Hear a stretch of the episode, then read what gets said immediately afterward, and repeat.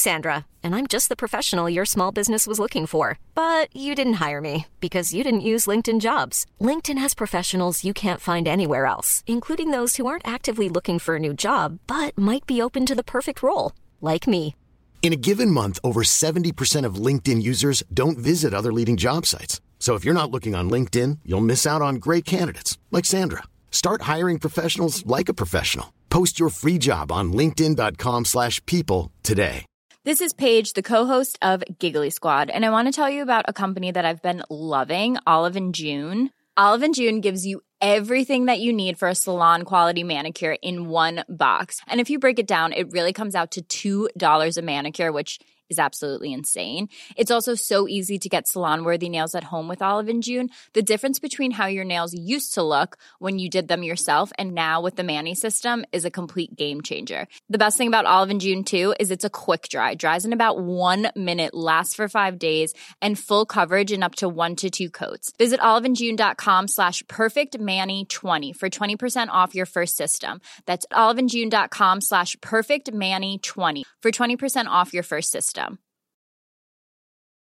Since 2013, Bombas has donated over 100 million socks, underwear, and t shirts to those facing homelessness. If we counted those on air, this ad would last over 1,157 days. But if we counted the time it takes to make a donation possible, it would take just a few clicks. Because every time you make a purchase, Bombas donates an item to someone who needs it. Go to bombas.com slash ACAST and use code ACAST for 20% off your first purchase. That's bombas.com slash ACAST, code ACAST.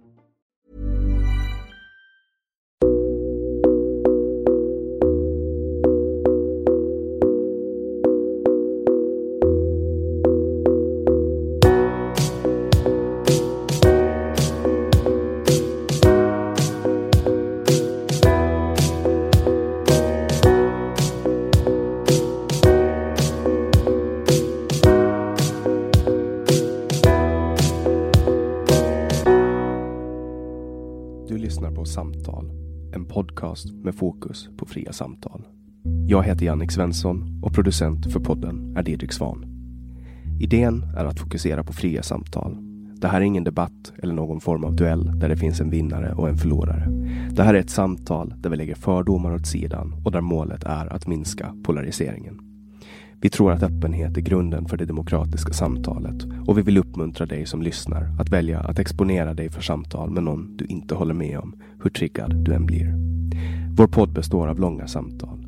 Vi vill ha långa samtal eftersom vi då får chansen att verkligen gå in på djupet. Den här podden presenteras av Webax, hemsidor och innehåll. Mer om Webax kan du läsa på www.web.ax. Webb med två B. Jag heter Jannik Svensson och du lyssnar på podcasten Samtal.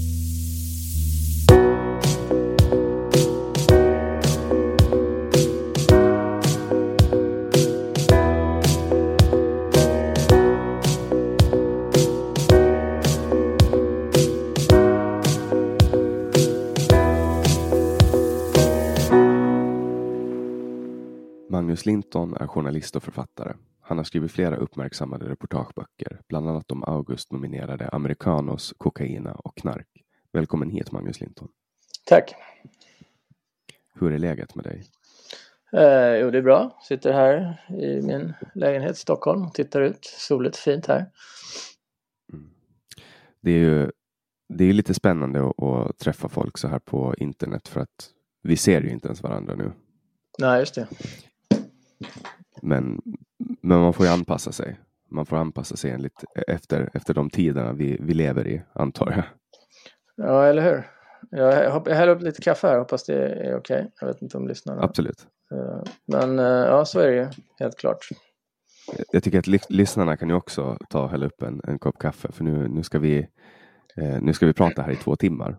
Och jag har förberett mig med lite kaffe. Men om, vi, om vi går till, till dig, nu, nu vet ju inte jag riktigt hur jag ska jag drar igång alla samtal på olika sätt och, och i de flesta fall så har jag ju bara du vet, någon fråga som jag vill kasta ut. Och jag har ju läst eh, bland annat din bok Knark, en svensk historia. Eh, och jag tänker att vi bara kastar oss på den direkt för att jag tror att det är den som åtminstone de som lyssnar på känner dig, dig mest som. Mm. Eh, Vad fick dig att skriva den här, den här boken? Ja, det var ju det är många saker såklart. När man tar sig an ett bokprojekt så är det det är, en, det är en stor sak och det första man måste fråga sig det är ju, eller det som, som jag alltid börjar med när jag skriver en bok, det är ju finns det någonting nytt, annorlunda och viktigt att säga som just jag har kapacitet att säga eh, i, det, i, i ett visst ämne. Liksom. Och ibland så, eh, ganska sällan så blir svaret ja på den frågan då, att man kan kombinera eh, liksom den här, de, de, egna skillsen som man har. Liksom, man har ju inte så många, man är inte särskilt begåvad egentligen. Och man är, man har, men man har liksom, eh, om man har jobbat ett tag som journalist och varit en del av en intellektuell offentlighet och sådär, så har man ju eh, vissa Eh, på vissa områden så har man liksom ackumulerat eller samlat på sig erfarenheter, tankar, reflektioner och inte minst kunskap då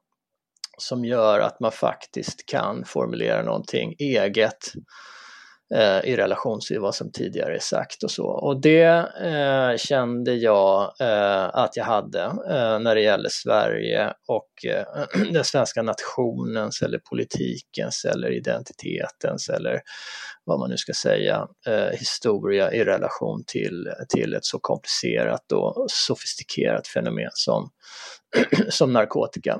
Och Eh, då satte jag igång helt enkelt. Eh, jag hade ju redan skrivit väldigt mycket om, eh, inte väldigt mycket, men jag hade skrivit rätt mycket om, om, ehm, mm, om missförstånd när det gäller narkotika och okunskap och, eh, och framförallt kanske populism då, så, men det är ju egentligen det som intresserar mig mest. Liksom. Jag är intresserad av olika eh, jag är intresserad av högerextremism, jag är intresserad av nationalism, kanske inte högerextremism, men jag är intresserad av nationalism och kanske mer det som, som eh, inom akademin då går inom, under begreppet banal nationalism, alltså olika eh, nationalism, alltså hur, hur eh, idéer om nationell överhöghet eller att man är bättre än andra på, på, på vissa sätt skapas i mainstream-samhället. Jag är egentligen inte så himla intresserad av, eh,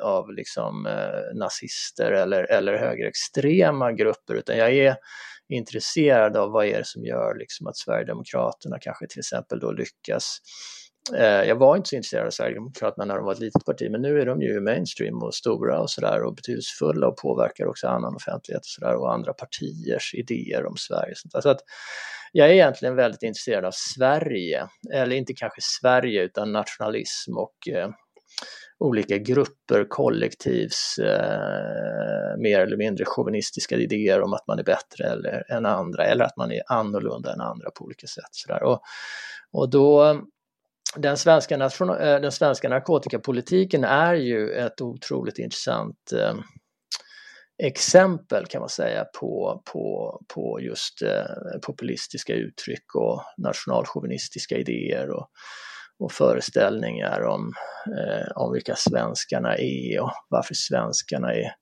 mer lämpade än andra att göra vissa saker och, och, och sådär. Så att eh, det är egentligen där som det stora intresset ligger. Och sen har det funnits då ett mer marginellt intresse som har handlat mer specifikt om narkotika och just den, eh, det fenomenets liksom eh, egna, egna historia. Men när de där sammanföll, jag har skrivit en annan bok tidigare ju som heter Kokaina som handlar om om eh, hur, som egentligen försöker besvara frågan då hur kommer det sig att Colombia av alla länder blev liksom hela världens eh, kokainleverantör. Det var ju under några decennier så producerades liksom 70, ibland upp till 80 procent av allt kokain som konsumerades i världen då av ett enda land, Colombia. Och det där är ett land som jag själv har bott mycket i och sådär. Eh, så då skrev jag en bok, den kom 2010 då och den eh, eh, försökte besvara, men den han handlade ju mer om, om global problematik och nord-syd och, och, och, och eh, ja, den globala narkotikahandeln och fail states och, och USAs eh, makt i Latinamerika och sådana grejer. Så jag hade liksom kan man säga, en, en kunskap kring det globala läget och sen så hade jag det här intresset för, för olika typer av nationalistiska uttryck och populism eh, och eh, kanske framförallt också majoriteters förtryck av minoriteter som alltid varit, eh, som jag alltid har intresserat mig för då. Och hur olika idéer om smuts och lågt stående eh, varelser och sånt där formas då i majoritetskollektiv och så. Så att eh, det, var, ja, det var lite olika saker som sammanföll där och då tyckte jag att jag hade en berättelse, eller jag ville i alla fall, jag hade en delvis en berättelse som jag då ville undersöka lite mer så gjorde jag det och så skrev jag den boken. För det, det som du gör i den här boken, det är att du går igenom historien till varför narkotikapolitiken i Sverige ser ut som den gör. Alltså du går tillbaks till, till grunden med ett historiskt perspektiv. Eh, och, och, och sen liksom maskar du ur det här steg för steg till vad som hände och vilka politiska reformer som gjordes och vilken slags retorik man använde. Och, och på något sätt slutsatsen, eh, slutsatsen som, som jag tog med mig i alla fall från den här boken, det är att eh, att den inte har varit framgångsrik eh, i det stora hela, alltså man kollar ur ett socialt perspektiv och om man kollar ur brukarnas perspektiv, narkotikapolitiken. Mm. Eh, och, och det är ju det här kriget mot droger. Mm. Så att eh, ha, vad hade du för inställning när du gick in i det här projektet? Eh, när det kom? Hade du liksom en öppen inställning att nu ska jag se vad, vad det här är eller visste du redan hur, hur det stod till på den narkotiska polit narkotikapolitiska fronten? Alltså det där är ju lite som det alltid är när man eh, gör, eh, när man jobbar som journalist så, så ger man sig ju inte riktigt in. Eh, det här, det finns ju föreställningar om att man, att man liksom, eh, den här idén om det finns ju till och med journalister som än idag pratar om objektiv journalistik med det begreppet objektiv som om det skulle finnas något sånt. Det är ju enligt mig löjligt, det gör det ju inte såklart. Att all information, all kunskap, all, all reproduktion av kunskap är filtrerad via vissa subjekt och sådär. Så att eh, det finns naturligtvis ingen som, är, som, som kan gå in i ett projekt helt ren och, och i den meningen helt öppen, utan det är vanligen så att man har gjort en grundresearch eh, och man har eh, en idé om, om, om en vinkel eller ett case som man, eh, som man tror ska bära. Eh, och sen så då fördjupar man ju den researchen. Eh, det är så normal seriös journalistik går till. Och så fördjupar man den researchen och så undersöker man vidare. Fanns det något i det jag trodde, det jag misstänkte? Eh, eller gjorde det inte det? Och när då, då blir svaret nej då, så det är ju ganska vanligt inom journalistiken att man konstaterar nej men det här fanns inget case i det här, jag hade fel eller jag hade mina misstankar eller mina idéer var bara fördomar eller så här, så då får man ju lägga ner. Va? Men i andra fall då så inser man ju att ja, nej men shit, här finns ju en story. Här eh, när man stämmer av mot fakta, man stämmer av mot forskning, man stämmer av mot eh, experter man intervjuar, man stämmer av mot litteratur man läser och så konstaterar man, har jag en story eller har jag inte det? Ursäkta. Och, och så, så var det naturligtvis även här, så att jag hade ju Eh, givetvis en, en idé om att här finns något stort att berätta och sen så, så ehm, ja, så fördjupar man researchen och så. Och då är det ju på vissa punkter då så hade man ju kanske fel eller det var inte så, så dramatiskt eller så som man trodde och på andra ställen så var det mycket värre då än vad man trodde. Och det stora Mm, det stora, ja, det är många som är, saker som är stora egentligen i den där boken, men det handlar ju framförallt om okunskapen. Va? Det har ju funnits en systematisk undanträngning av eh, kunskap när det gäller narkotika eh, i den svenska narkotikapolitiken. I den meningen har det varit klassisk populism då att vissa saker, vissa sanningar har inte liksom eh, kunnat sägas, i alla fall inte från politiskt håll därför att då har man uppfattats på ett visst sätt och så. Och det där är ju enligt mig då eh, förfärligt när det, när det ser ut så. Men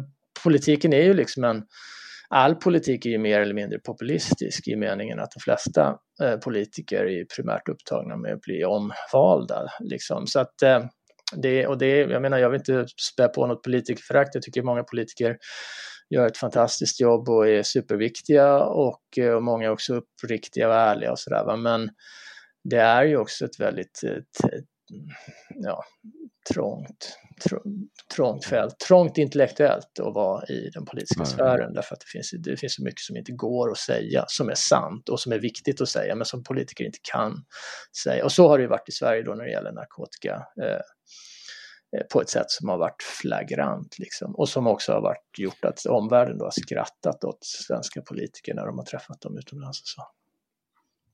Jag kan ju berätta om min egen politiska historia när det kommer till just eh, narkotikapolitik. Och det är att jag började med, med politik, ungdomspolitik för 10-12 år sedan eh, på Åland och en av de första sakerna jag gjorde, det som kastade mig in i politiken, det var att jag skrev en, en insändare om, om narkotikapolitik. Mm. Eh, där jag gick in med inställningen att vi behöver göra mera i kriget mot narkotika och det, det här var liksom när jag kollar tillbaks på det och, och försöker analysera mina egna tankar som vad jag var då, 14-15, mm. så märkte jag att jag liksom tog de här åsikterna för att jag märkte hur vuxenvärlden reflekterade tillbaks, att jag var duktig. Mm. Eh, och jag försökte liksom, men du vet, på något sätt passa in. Mm. Eh, och att desto bättre det funkar, desto mera gav jag det de ville ha. Att jag på något sätt reflektera omvärlden för att jag hade lyckats fånga upp att ja, men det här var en dålig sak. Det här, är, eh, det här ska man liksom prata om och, och raljerar man lite om droger, då blev det jättebra. Alltså mm. man fick jättemycket klappar på, på huvudet. Och det var under ganska många år en, en drivande faktor för mig. Uh, du menar att du, att du så att säga bekräftade den mainstream-politikens idé om att, uh, liksom, att så menar du eller? Ja, exakt. Ja, och jag använde ju många gånger så valde jag att använda eh, ja, men fakta som inte var fakta, alltså som jag i efterhand har sett att men det här stämmer ju inte. Nej, precis. Det här är ju inte sant. Nej, nej. Uh, och, och, och, på något sätt så utgick ju det ifrån mycket konspirationsteorier också. Alltså typ som att uh, ja, men Åland fick jättemycket problem med droger efter att Palme blev skjuten därför att då var det massa, då tog man alla narkotikaspaningsenheter i Stockholmsområdet och satt dem på Palmemordet och då blev Åland översköljt av droger. Alltså, du vet sådana saker som man bara gick runt och så lät det bra. Eh, och alla var så här, åh vad duktig du är Jannik, det här är mm, mycket bra, typ så. Ja, ja men så är det ju. Och sen, ja, förlåt, fortsätt. Ja, men sen någon gång vände jag ju. Jag såg ju hur, hur illa det blev. Det var ju när jag såg hur, hur, hur missbrukare mådde. Mm. Eh, och den behandling de fick. Alltså att, jag träffade en, träffade en kille en gång eh, som jag känner från, från Åland. Som, han, hade liksom blivit riktigt, riktigt tung missbrukare och han gick runt med ett infekterat ben. Alltså, mm. Hans ben var helt uppsvullet och han kunde inte gå. Ja. Uh, och han hade, han kunde liksom, för han hade skjutit, han hade försökt skjuta heroin och amfetamin i det här benet och det hade liksom bara blivit infekterat. Det var som en stor klump. Och så, och, och, så sa jag så här, men du måste, du måste till sjukhuset. Liksom. Jag kan, mm. Vill du att jag kör dig till sjukhuset? Vill du att jag ringer en ambulans? Men han var så här, nej det går, det går inte. Jag kan mm. inte åka dit. Liksom. Nej. Eh, för att han, han, var rädd för att åka fast helt enkelt. Mm. Och han visste att han ändå inte skulle få någon hjälp. Nej, att, precis. Det är dubbelt det, det där. Var någonstans där. Ja, nej, men jag fattar att det är den typen av, det är väl sådana saker som gör att man vänder och ser saker och ting från ett annat perspektiv och kanske blir kritisk till sin egen, sin egen, sitt eget, sitt eget det perspektiv man har haft och sådär. Men det är ju det är dubbelt, det är svårt de där sakerna för att å ena sidan så eh, är det ju så precis på det där sättet då att det finns en massa väldigt, väldigt sargade människor som eh, som eh, borde ha sökt kontakt med vården för länge sedan eh, och fått vård och fått vård utan motkrav på drogfrihet och så. Det är det som har varit problemet då, att det har varit så svårt för kraven på drogfrihet har varit för höga, vilket har gjort att människor inte Ja, e-, e-, ibland har det handlat om, som det här, i det där fallet kanske, att man är rädd för att åka alltså att man är rädd för att bli, ja, hamna hos polisen istället för vården liksom. Och det är naturligtvis fruktansvärt och många har dött på det sättet och sådär. Så det är ju väldigt vidrigt, men eh, jag tror, jag, vet, jag är inte säker på hur hur, det där är ju ett argument som naturligtvis finns med i min bok och, och som också har varit relevant och som jag är inte säker på att det är så starkt eh, idag. Det finns säkert eh, massor med missbrukare som dör varje år av rädsla för att liksom, men, eh, men jag tror det blir mindre. Jag tror liksom mm. att eh, åtminstone i Sverige så är det, det där är liksom en av de svarta, riktigt mörka kapitlen liksom. Att, och, och, där tror jag att politikerna ändå har lyssnat och, och mm. så. Och jag... En annan sak som jag, som jag upplever när jag har liksom jag, jag har varit intresserad av det här nu under ganska många år. Um, just för att det blev ett, ett politiskt wake-up call för mig när jag insåg att men det här är inte, det här är inte rätt. Liksom. Jag har ju stått på trummorna för att man ska, göra, man ska höja straffen för, för um, alltså drog, narkotikarelaterade brott. Alltså man ska höja straffen för ringa narkotikabrott och ta bort liksom bötesstraff och kanske till och med lägga in du vet, fängelseskav. Sådana saker mm, har jag mm. stått i, i fronten för. Mm. Uh, och, och, sen kommer, kommer det här wake-up callet där jag inser att men det här verkar inte funka. Det jag märkte det var ju vilket motstånd det kom. Alltså så, fort, så fort man pratade om, om narkotikapolitik och på något sätt uh, ifrågasatte den, den uh, fakta som fanns på bordet. Alltså till exempel att ifrågasätta. Jag, jag kommer ihåg när, när jag var yngre hur, hur folk i min omgivning kunna eh, prata om Nils Bejerots teorier om du vet, det här smittsamma, att det, mm, det är ett mm. socialt mm. problem, att det smittas och, mm. och sådana saker. Mm. Och, och så, så är det ju kanske inte om man börjar titta på hur, um, hur det är uppbyggt. Alltså min upplevelse är att att de som, de som mår sämst av, av eller man, man, det är svårt att se ett orsakssamband. Att är det så att det är drogerna som, som skapar en missbrukare eller är det en missbrukare som söker sig till droger? Mm. Eh, och om man inte kan svara på den frågan så är det väldigt svårt att konstruera en, en politik som funkar på, på en större skala för alla. Och det är ja. väl det som lite är målet, med, eller det är väl det som du försöker komma fram till i den här boken. Ja, alltså Beiruts eh, styrka, för det var ju så att han slog ju igenom, han hade ju motstånd i början och var liksom eh, marginaliserad som lite tokig kommunist och sådär. Men sen så växer han ju sakta in i, i offentligheten då när han har skrivit sin avhandling som kommer i mitten på 70-talet och då får han liksom en akademisk legitimitet. Och, eh, och sen successivt så är det ju massa, och det är det jag beskriver i boken, det finns ju massa andra saker som gör då liksom att inte minst en borgerlig regering som kom till makten 76 och alltså det finns massa andra saker som gör att liksom frågan i just vårt land växer in i, i, sen, i det politikens centrum på det sättet som den gör då. Det är inte, andra länder har ju liksom helt andra, det är massa, en del är ju liksom slumpartade saker, det är så litet land Sverige. Eh, nu finns ju du på Åland då, som är en ännu mycket mindre liksom, enhet och, och, och, och på många sätt eh, en entitet som, som men, men, Sverige är fortfarande, det är liksom, det är ett litet, det är ett litet, en liten plats liksom, eh, ganska få eh, en, en, då var det en väldigt liten offentlighet och sådär. Och Beiruts styrka var just det som du är inne på då, att han hade ju ett svar på vad det här var. För honom var ju allting enkelt. Det var ju det som är, så är det med populism, liksom, att det, ju enklare svar desto bättre. Eh, och eh, hans svar var ju liksom att det här var ju inget komplicerat problem och beroendelogiken då, det vill säga det som leder till missbruk är i stort sett samma mekanismer för alla människor och preparaten fungerar i stort sett likadant för alla.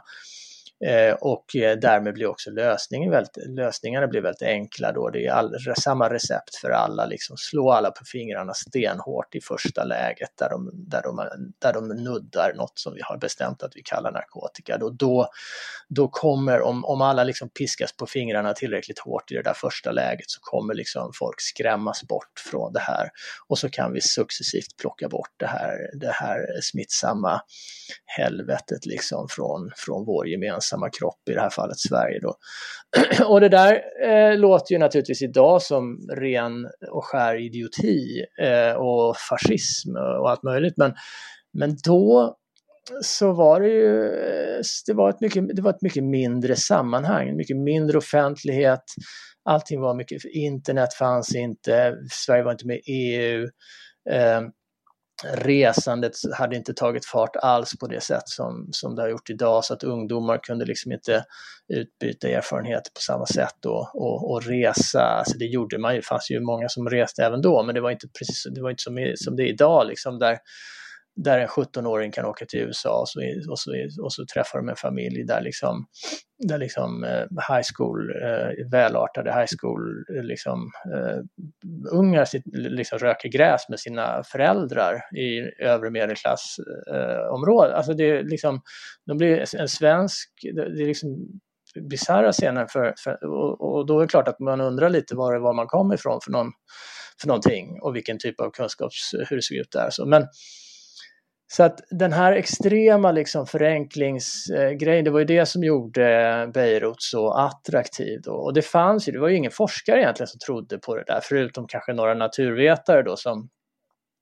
som, eh, som hade sådana långtgående smittoteorier. Då som, men alla samhällsvetare och humanister även på den tiden såg ju att det här är ju inte, det här är inte sant eh, och det här är inte, kommer inte vara någon produktiv väg och Eh, det här är en del av moderniteten som vi inte kommer kunna bli kvitt. Liksom. Vi kommer inte kunna radera narkotikan från våra samhällen. Den kommer finnas med oss i, i det moderna samhället. Så, så låt oss jobba på ett annat Det såg ju alla, ja, i stort sett alla liksom samhällsforskare. Och, och, men, men politikerna var ju på jakt efter någonting häftigt att säga som skulle vara slagfärdigt och som kunde visa att svenskar är bättre än andra och som kunde visa på yttre hot och sånt där som är nödvändigt i, i olika, liksom, eh, i olika eh, politiska kontexter och så. Förlåt. Så att, eh, eh, och, och de här förenklande idéerna, det var ju då att Eh, Eh, jag menar, du, du var inne på det, missbruk, eh, missbruk är ju någonting otroligt komplicerat och eh, det är ju inte alls så att själva preparaten i sig är, är de alltid drivande.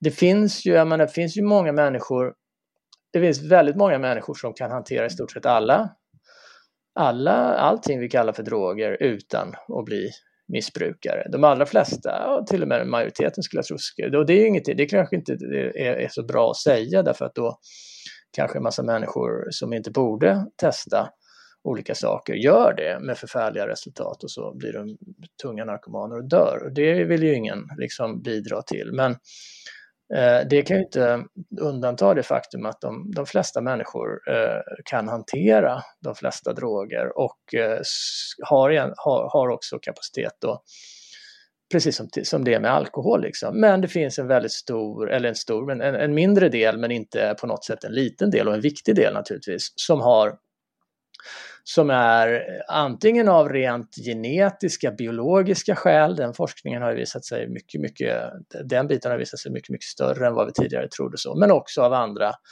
mer eh, miljöskäl liksom eh, eh blir en viss typ av personer som absolut inte bör på något sätt röra vare sig alkohol eller några andra droger därför att det kommer driva dem i fördärvet. Det finns ju många väldigt ja, till, till, exempel har man ju, jag menar det, i min undersökning så visade det sig, och det, det var ett kapitel faktiskt i boken som skulle jag skulle ha ett kapitel till i boken som aldrig blev skrivet och det är lite synd för det är ett jävligt intressant, eh, hade varit ett intressant kapitel. Det skulle heta Bokstäverna och det skulle då handla om eh, den, den otroligt stora överlappningen som finns då mellan det som vi idag kallar för Eh, eh, eh, ja, ADHD och liknande liksom, eh, bokstavskombinationer. Då.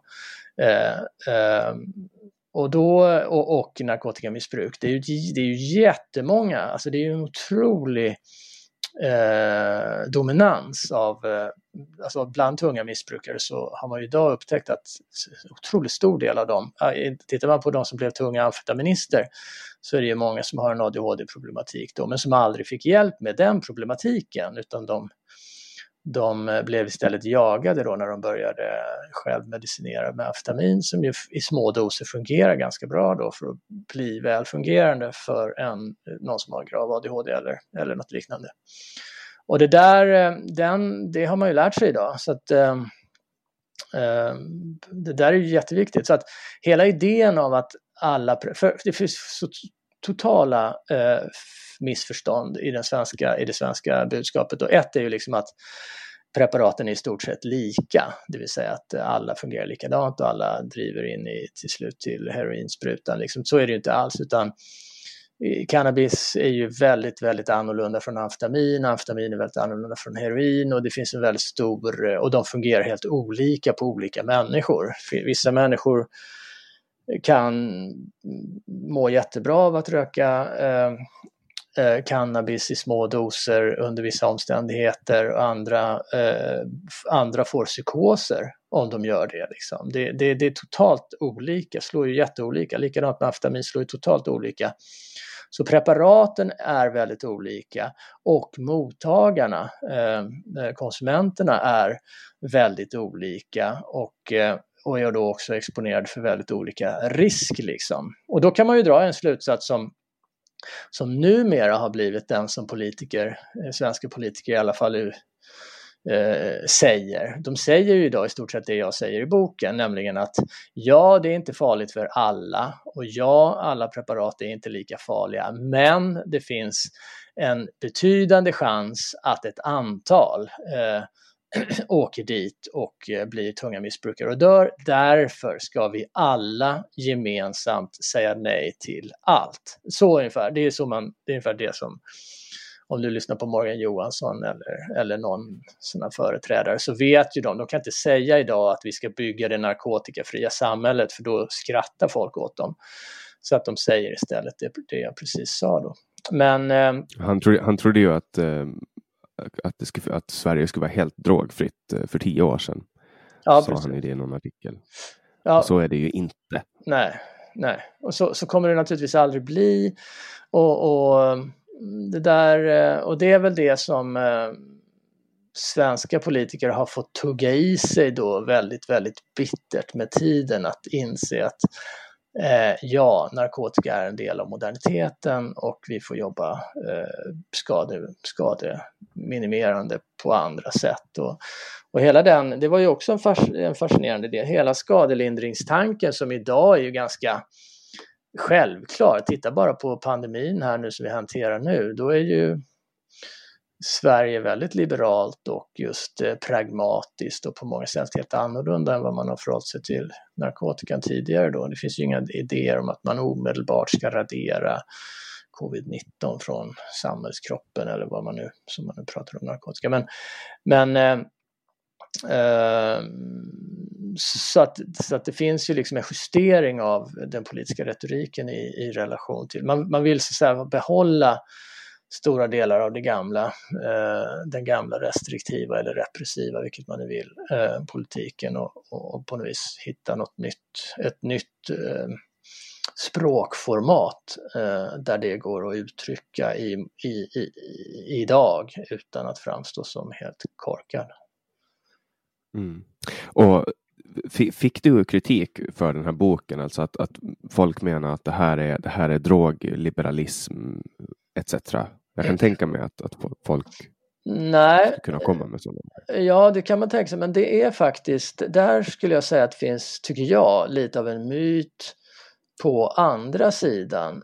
Om man nu tänker sig, nu är jag motståndare till sådana enkla dikotomier och enkla indelningar av liksom de där på ena sidan och de andra på andra sidan. Men låt oss göra en sån bara för, för enkelhetens skull och så säger man att det finns det finns försvarare av den svenska narkotikapolitiken och det finns kritiker av den svenska narkotikapolitiken. Och av försvararna så har kritikerna då kallats för drogliberaler under lång tid. Helt onyanserat så, men det har varit... Eh, eh och, och, och bland eh, bland de så kallade liberalerna då, eller pragmatikerna, då har det funnits en, just den idén liksom att det här går inte att prata om, om man, om man lyfter upp det här blir man marginaliserad och det här är så. Och det stämmer, det var ju sant under andra halvan av 70-talet, 80-talet, 90-talet. Men någonstans in, in på 2000-talet så, så tycker jag nog att det där vänder, ungefär den vevan som jag själv började skriva om det här. Då. Så jag har inte känt... Jag tycker snarare idag om du tittar på medielandskapet, det kanske i politiken så stämmer det nog att du precis, då är det den erfarenhet som du själv kanske hade och det finns andra så här, riksdagsledamöter som har försökt väcka den här frågan och omedelbart blivit av med sin riksdagsplats och sådana saker. Så det finns ju sådana inom politiken men i media så måste jag säga att det är ju mycket mer gångbart tror jag att komma med mitt budskap än att komma med liksom någon sån här nolltolerans, eh, hardcore Bejerotsk eh, idé. Det, det, det perspektivet upplever jag som ännu mer marginaliserat idag. Alltså. Titta på Titta på RNS då som var Riksförbundet Narkotikafritt Samhälle som ju var en stor folkrörelse då.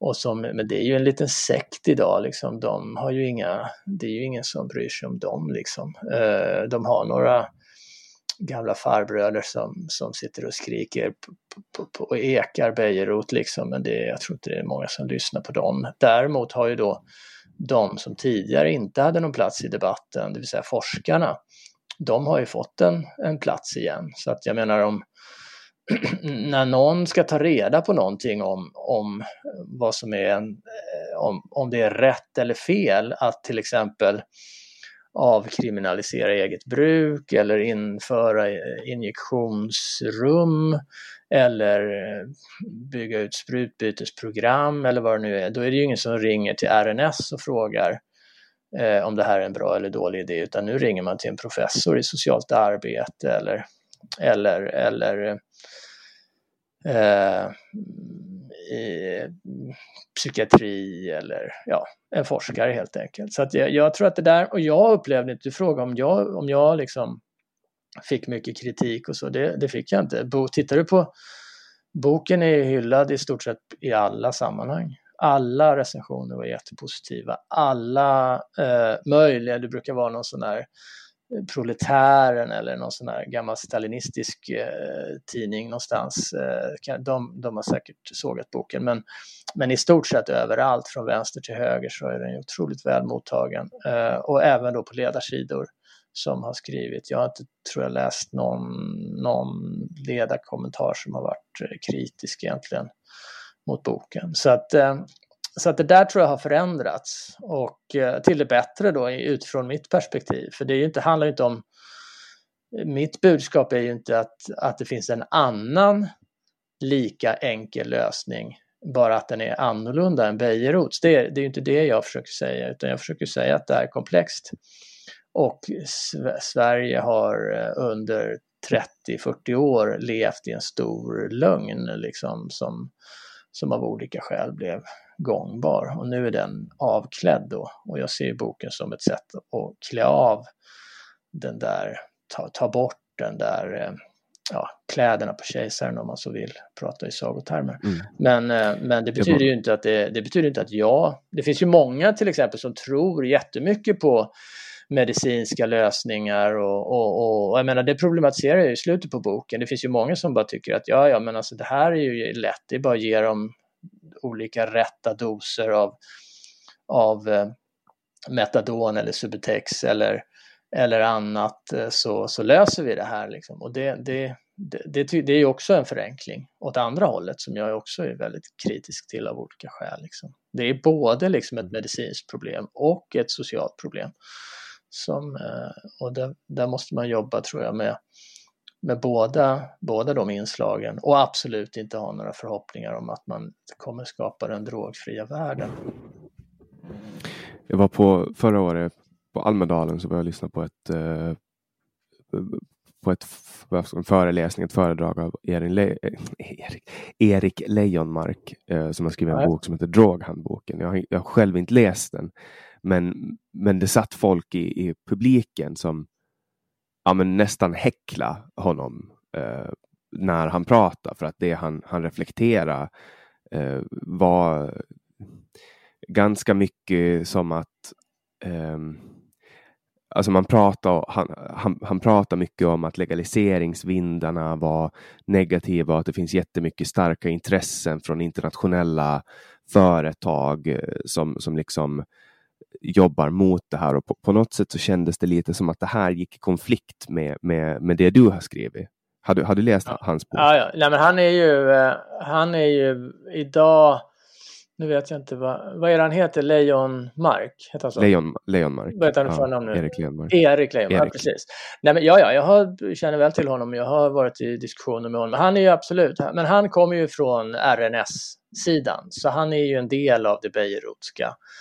Eh, den, den, eh, han kommer därifrån helt enkelt och, och är väl deras försök att eh, ha liksom en ung och uppdaterad person i, i offentligheten och så. Så han har väl tänkt om säkert på många olika sätt och så, men han, han företräder ju fortfarande liksom den beirutska eh, traditionen och den är ju ofta väldigt snabb att finna konspirationer. Eh, det är ju, någonstans så blir det gärna eh, George Soros alla pengar som, som, eh, som är drivande när det gäller då Det är judarnas fel. Liksom. Ja, jag skulle inte anklaga dem för antisemitism, liksom, men, men det, det är ju, det är ju, eh, det är ju liksom, eh, ja, det landar ofta där liksom, att det finns, och, och det är ju bitvis sant. Jag menar, det är inte någon genomfalsk historia. Det är klart att jag tror inte ett dugg att, att Soros eller någon sitter och och vädrar stora pengar på att ungdomar ska börja eh, röka cannabis i hela världen. Det, det tror jag inte en sekund på, men, men det är klart att det finns andra delmoment med, jag menar eh, i USA så är det klart att eh, titta på om man gör en genomlysning av hur det ser ut i Kalifornien idag då, där, eh, där det finns ju stora ekonomiska intressen kring det här och så, på gott och ont liksom. Det är ju, eh, ja det beror på vad, eh, vad, vad, vad konsekvensen är och, så, och, och vilken, vilken typ av regler som man inför och i vilken, och i vilken mån unga människor blir exponerade för, för eh, marknadsföring och reklam och, och, och den typen av saker. Så, att det, så det är ju sant, det är ju ingen, det är klart att det gör det. Allting som det går att tjäna pengar på och cannabis eh, är ju absolut en sån produkt, så kommer det också finnas liksom ekonomiska intressen bakom och då gäller det ju att, utifrån mitt perspektiv då, att- att väga av olika saker, precis som man gör med alkohol. Ja, jag menar, det finns ju också ekonomiska intressen i att hålla narkotika väldigt, väldigt olagligt. Det finns ju jättestarka ekonomiska incitament i det, speciellt inom den alltså, yrkeskriminella. Ja, det gör det ju, men det är ju inte någon, det har ju liksom inga direkta politiska företrädare så. Det finns ju, eh, det finns ju absolut, det finns ju jättemycket intressen på, på alla, på båda sidor som driver eh, saker. Eh, och då, och där är ju, jag, jag tror att då får man ju försöka avtäcka, det är en stor, en stor vanlig sån här invändning då som, som jag ofta mötte när jag skrev kokaina eh, som handlar ju då om, och där i, i, i Latinamerika och USA där är ju legaliseringsdiskussionen då eller avkriminalisering eller vad man nu vill större och har kommit längre och Uruguay har ju provat då med cannabis och det finns olika, det finns olika andra försök och sådär. Och då, då brukar ju eh, många av eh, kanske eh, Erik Leonmarks vänner då säga att ja men herregud, är ni dumma i huvudet? Tror ni att, tror ni att liksom legalisering skulle Alltså det starka i argumentet har ju varit, har ju varit då att man skulle demontera eller ta, ta plånboken från den organiserade brottsligheten. Då, liksom att man, det är ju det som är, liksom, det, är ju det bärande argumentet. Och för att, för att, liksom, Mexiko har ju varit fruktansvärt ansatt av narkotikarelaterat våld och, och Colombia likaså. Liksom att man då skulle och då säger ju många då att ja men herregud, det är klart det inte kommer, den organiserade brottsligheten, gängkriminaliteten, eh, gerillorna, eh, eh, narkotikasyndikaten, de kommer ju bara övergå till an, andra. De kommer ju hitta, det, det, det är ju otroligt naivt, menar ju de då. Och det, det där ligger väl viss, det finns väl viss, eh, ligger en del i det liksom, att det är klart att eh, har man gjort mycket pengar på att sälja väpnat skydd, som ju många av kartellerna håller på med, att de säljer skydd liksom, eh, med våld åt olika kriminella människor som behöver eh, väpnat skydd. Det är liksom affärsmodellen. Det är klart att eh, de kommer leta nya, leta nya marknader och hålla på med trafficking eller, eller vad det nu kan vara. Liksom. Men det betyder ju inte att eh, en vara som är, den varan som det handlar om måste ju fortfarande vara gångbar och attraktiv på marknaden. Och, och Eh, när det gäller cannabis då så är ju cannabis den, den by far liksom mest populära drogen och, eh, och eh, om man då gjorde den laglig eller lät eller reglerade den på något sätt då. Det är klart att det, jag tror absolut att det skulle påverka de kriminellas möjligheter att, att driva in pengar. Det, det, det, det, det är ju uppenbart liksom. Eh, om man tittar på hur stor del av, det finns ju olika undersökningar som har försökt som har visat då på hur, hur stor del, om man tittar, det, det är svårt att liksom dra några tydliga gränser, men om man tänker sig att det gick att undersöka eh, hela det mexikanska eller ska vi säga amerikanska, USA och Mexiko. Om man tänker sig att man kunde undersöka hela det kriminella komplexet som sysslar med narkotika och så försöker man ta reda på hur stor del av deras, de preparaten som de sysslar med handlar om cannabis.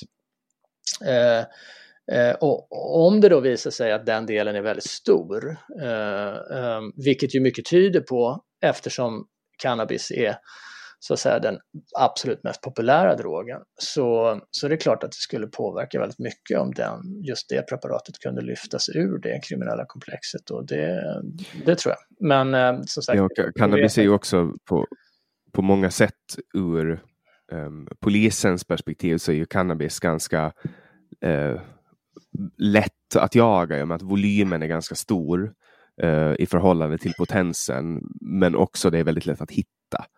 Uh, ja. Det luktar ju väldigt mycket så det är liksom inte svårt att, att hitta det om man jämför med till exempel olika designdroger som Nej, hundarna precis. kanske inte tränade på eller Nej, kristalliserad precis. metamfetamin som de inte kan lukta sig till. Då är ju då är ju cannabis alltid mycket lättare. Men en, en sak som, som du också går igenom i, i boken, det är den här gateway-teorin. Mm. Uh, för den pratar ju folk fortfarande om. De, det är ja. den här klassiska att ja, men det börjar med, det börjar med en joint mm. och så mm. går det över till uh, heroin. Mm. Och den, han var, den motbevisade man redan på 70-talet.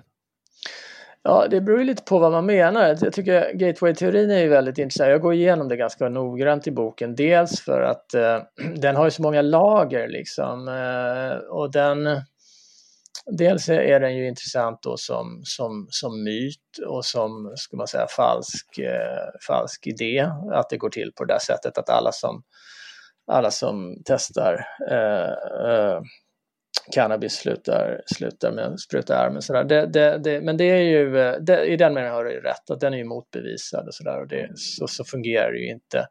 Eh, å andra sidan så brukar ju de eh, nolltoleranserna då säga nej, nej, men om du tittar på, fråga alla som som sitter med en spruta i armen idag om vad, de, vad det var de, för, de första drogen, de, liksom, när de gick vidare från alkohol, vad var det då de först provade? Så ska du se att väldigt många av dem eh, rökte, det var cannabis som var det första steget. Så, vilket ju också är sant då, va? men då svarar ju de andra och säger ja, ja, men eh, alla de där startade ju med en cigg, så det är egentligen tobaken i så fall som är, ja du vet, så kan man hålla på sådär och pingponga mm.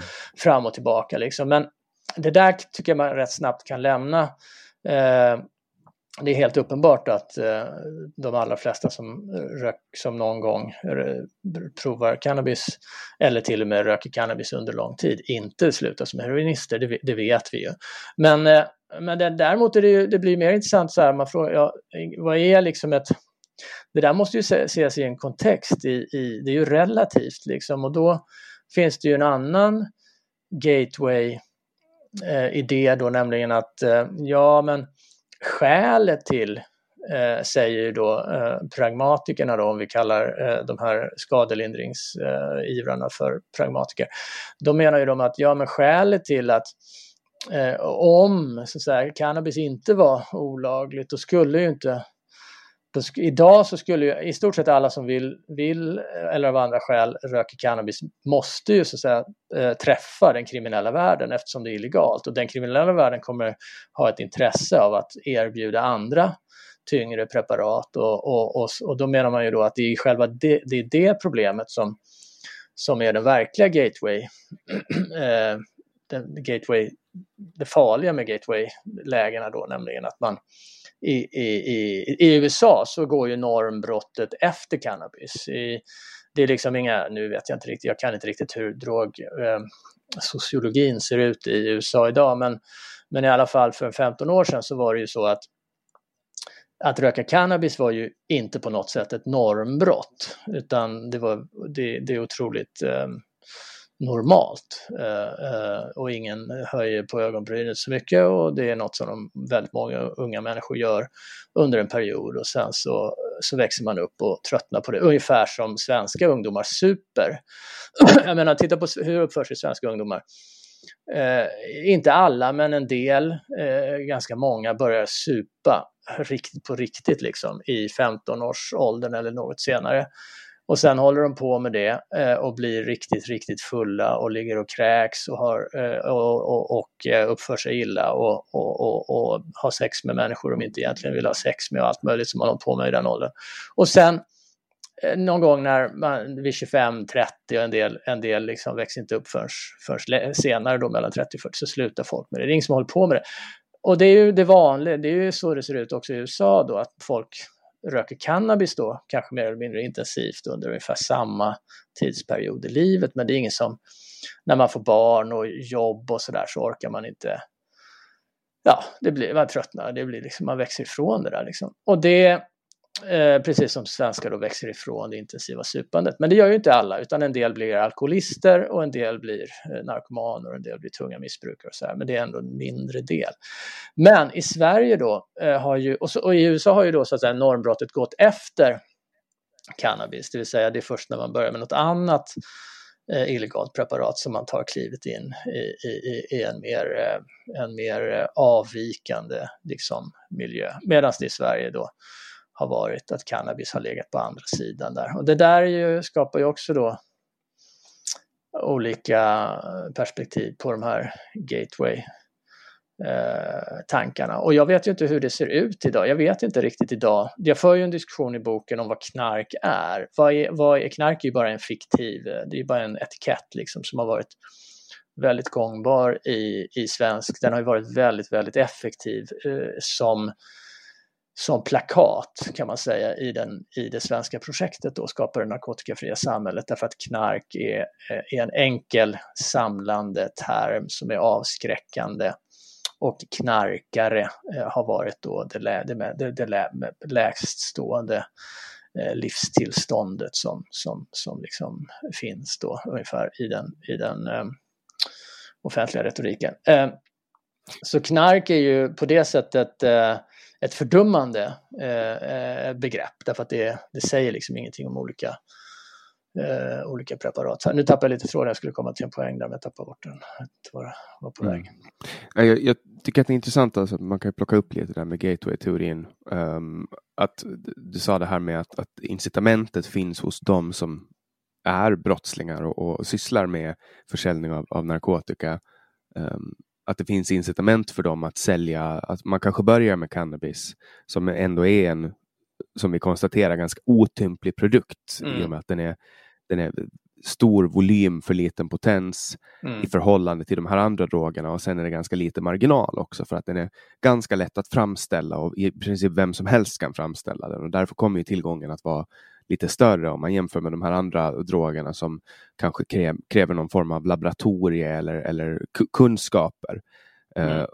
men också på olika sätt kan blandas ut och, och, och det finns mycket högre marginal mm. Eh, som amfetamin och, kokain och, och, och så. Mm. Uh, att det kommer ju att öka ett incitament för folk att eh, alltså för de organiserade, den organiserade brottsligheten eller de som säljer droger att, att försöka sälja på, ja men ta lite ecstasy eller ta lite amfetamin när du ändå är här. Liksom. Mm, eller jag mm. kanske har slut på, på cannabis. Och det är, en, det är en sak som, den är inte orimlig. Och det känns ju inte för mig, nu är det bara en känsla, men det känns ju inte som att det är osant heller att det sker.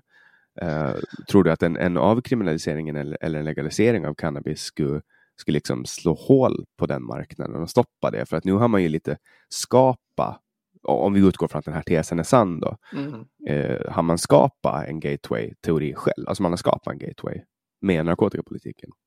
Ja, jag tror att det ligger mycket i det, men sen så ska man ju ha klart för det. Det är så många saker att sortera i det här. Liksom. Dels är det ju som du säger då att cannabis är en, en, i någon mening en gammalmodig produkt eh, eftersom den, ja, den är otymplig och den är, den, är, den är inte syntetisk helt enkelt och den är beroende då av eh, massa, och det gör ju den också attraktiv för en viss typ av av människor idag eh, där naturlighet och liksom klimatvänlighet och alla möjliga saker, det är, det är liksom en snäll och i den mening sympatisk produkt. Alla kan liksom framställa den hemma i köket eh, utan större problem och därför där, man behöver inte liksom, den behöver inte vara insyltad i några, några att man river ut några regnskogar i Amazonas för att liksom som kokain, kokainet är ju väldigt tärande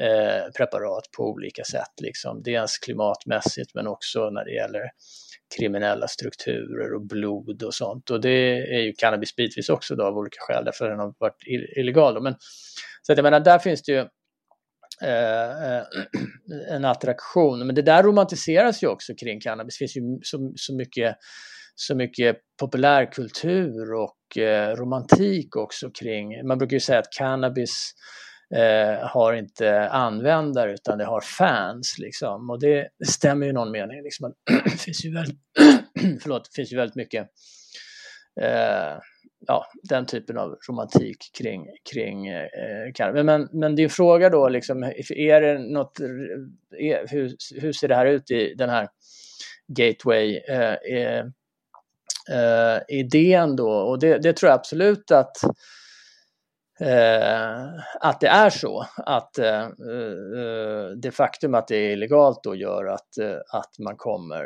eh, att utsättas för på, påtryckningsförsök från, från den kriminella världen att, att testa annat och, och, gå vidare och sånt där.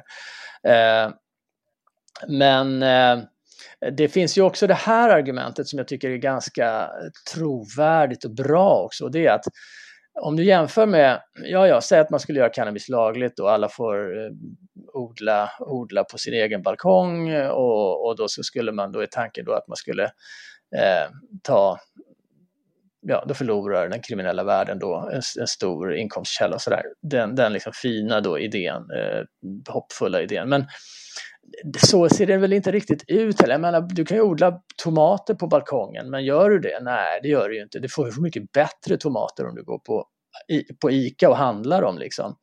Så att jag vet inte riktigt om det där eh, stämmer. Du, du kommer nog, de, där kan man väl undersöka, jag vet inte. Det finns ju liksom, i Spanien finns det ju de här vad heter de här cannabisklubbarna liksom, där man kan gå, gå, gå, gå samman då i, i en sorts social klubb och så odlar man eh, tillsammans och eh, där kan man säkert få fram ganska högkvalitativt cannabis, vad det nu är då och, och, så. Men jag tror att det kommer ju alltid finnas i alla sammanhang där det finns efterfrågan på ett rusmedel så kommer det finnas eh, kommersiella och, och, och tekniska eh, ja, krafter som, som gör att eh, det är enklare att handla och gå och köpa någonting oavsett om det är kriminellt eller inte än att hålla på och odla på sin egen balkong. Liksom. Jag tror att det är lite naivt. Ja, det är samma som med, det är samma som med IPA. Liksom alla som gillar IPA så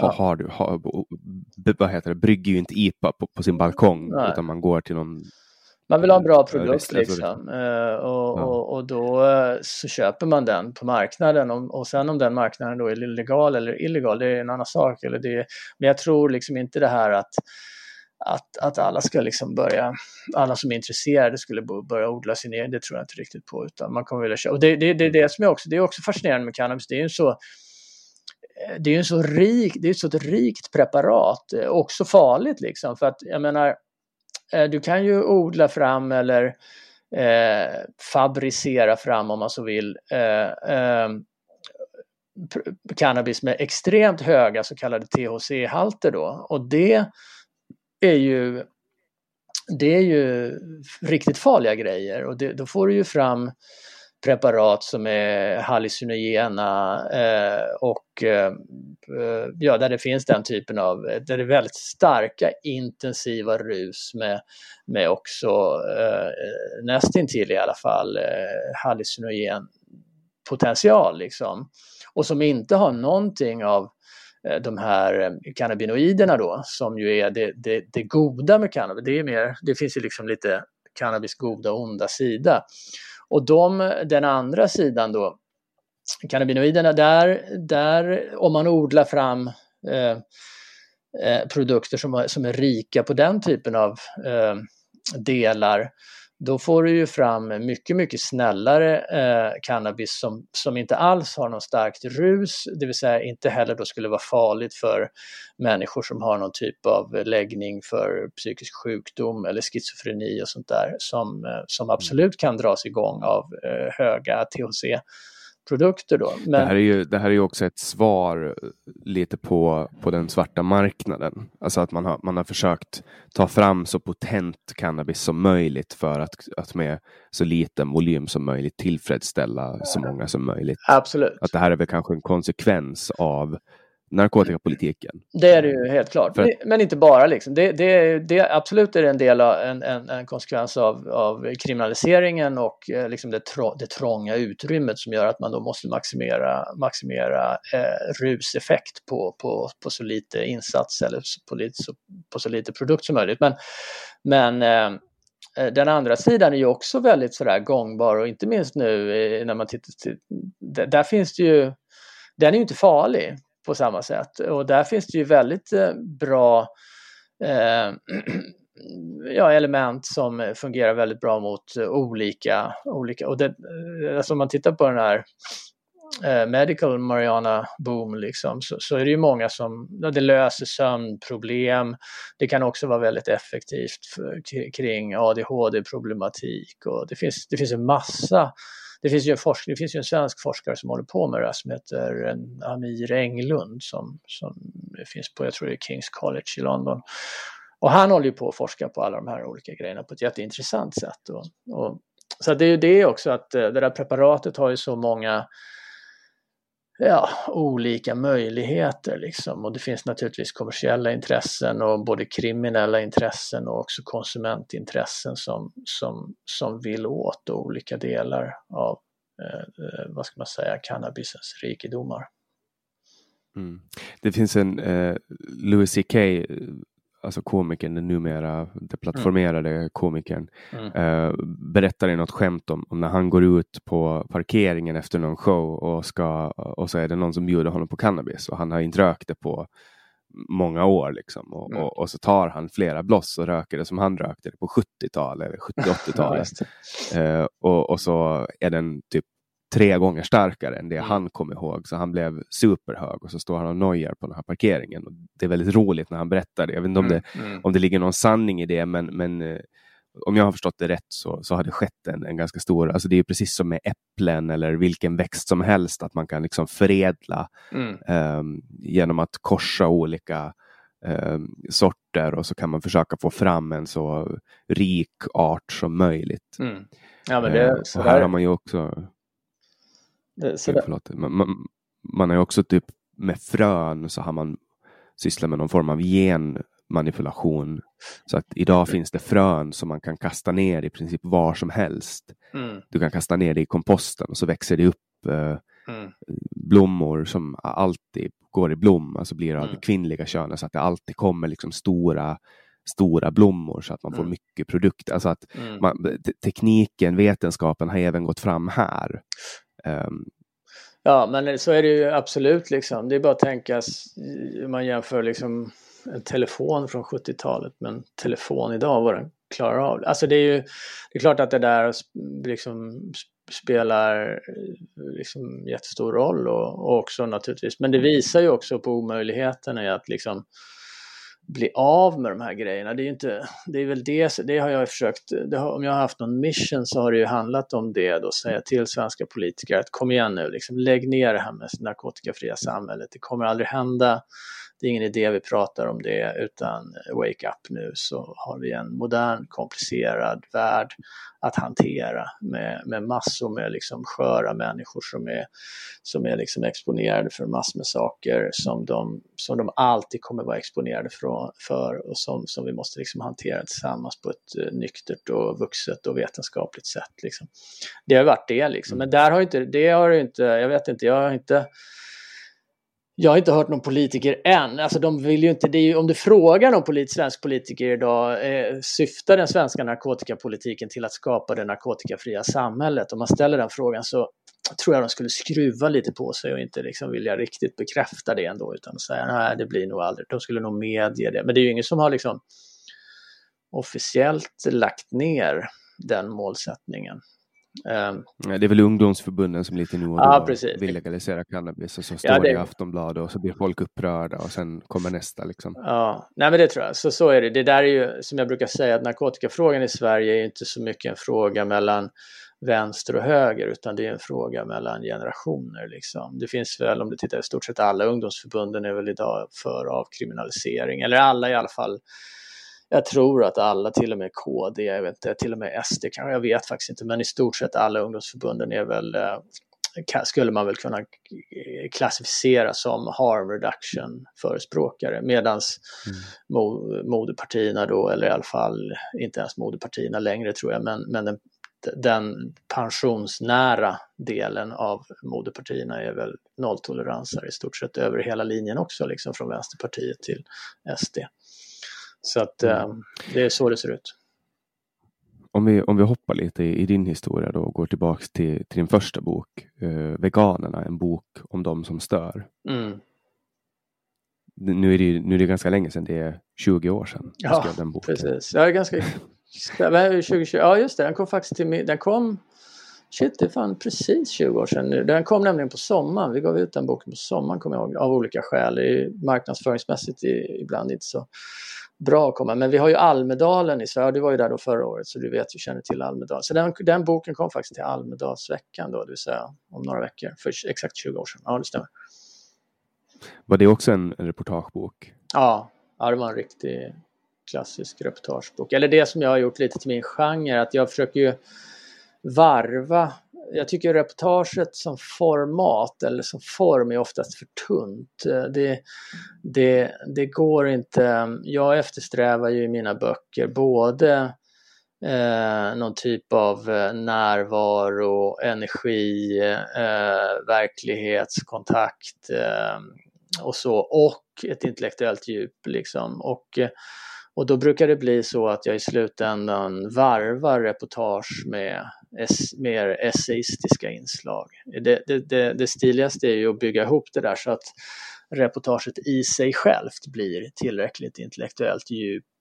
Men eh, det är oftast ganska svårt. Så att eh, rent tekniskt så brukar jag lösa det med att jag skriver ett eh, reportage där läsaren får följa med ut, i, träffa människor, vara i miljöer, eh, delta i scener, eh, känna på folk och så. Och sen så har jag eh, ett, nästa kapitel då blir ofta en essä då där jag skriver mer, där jag använder mer lä, läst, läst material eh, och egna reflektioner och sådär. Så det, fördjupningen brukar ligga liksom i, i de essayistiska delarna då och närvaron brukar ligga i reportagedelarna. Och det där brukar, det har jag gjort lite, nästan alla mina böcker är skrivna sådär så att det, det är en sorts varvande då mellan reportage och essä. Och det var även den här boken då, så Veganerna var också en sån bok som, den är, det är en filosofisk, det är en filosofiskt jätteintressant fråga det där.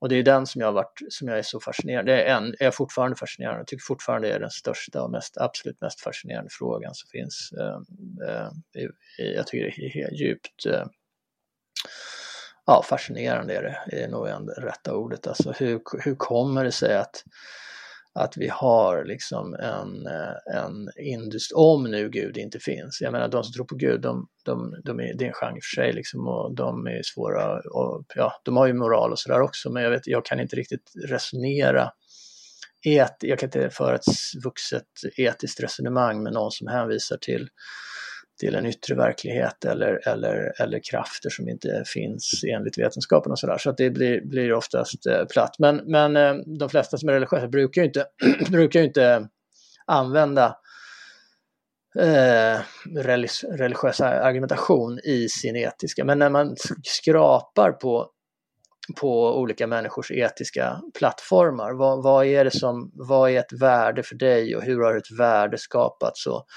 varför är någonting rätt och varför är någonting fel och sådär. Vad, vad, eh, finns det något som intrinsikalt som man säger inom filosofin, då, alltså i sig är fel och finns det något som i sig är rätt eller gott och sådär. När man, när man liksom skrapar av det där och tvingar människor att argumentera utan Gud, ehm, då, ja, då, då blir det ju ofta ganska naket då. Då brukar det ju koka ner till eh, någon typ av eh, mer eller mindre utilitaristisk, eh, utilitaristiskt förhållningssätt. Folk brukar förakta utilitarismen, det vill säga då att, att eh, i stort sett att eh, eh, välbefinnande och smärta hos kännande varelser är det som, som konstituerar moralen då, det vill säga det det är dåligt att tillfoga, inte alltid, men att, att i onödan tillfoga kännande varelser smärta.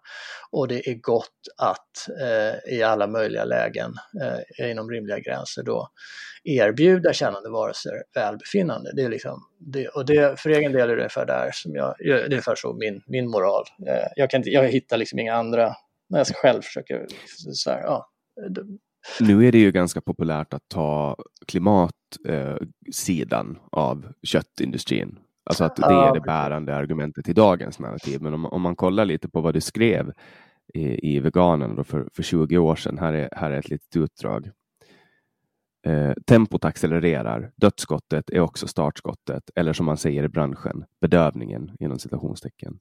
Från och med nu är allt en fråga om pengar. Här börjar det löpande bandet. Tjuren halkar på rygg, snett ner två meter. Vänster bakben sparkar och nu kommer en man fram eftersom tjuren är långt ifrån död.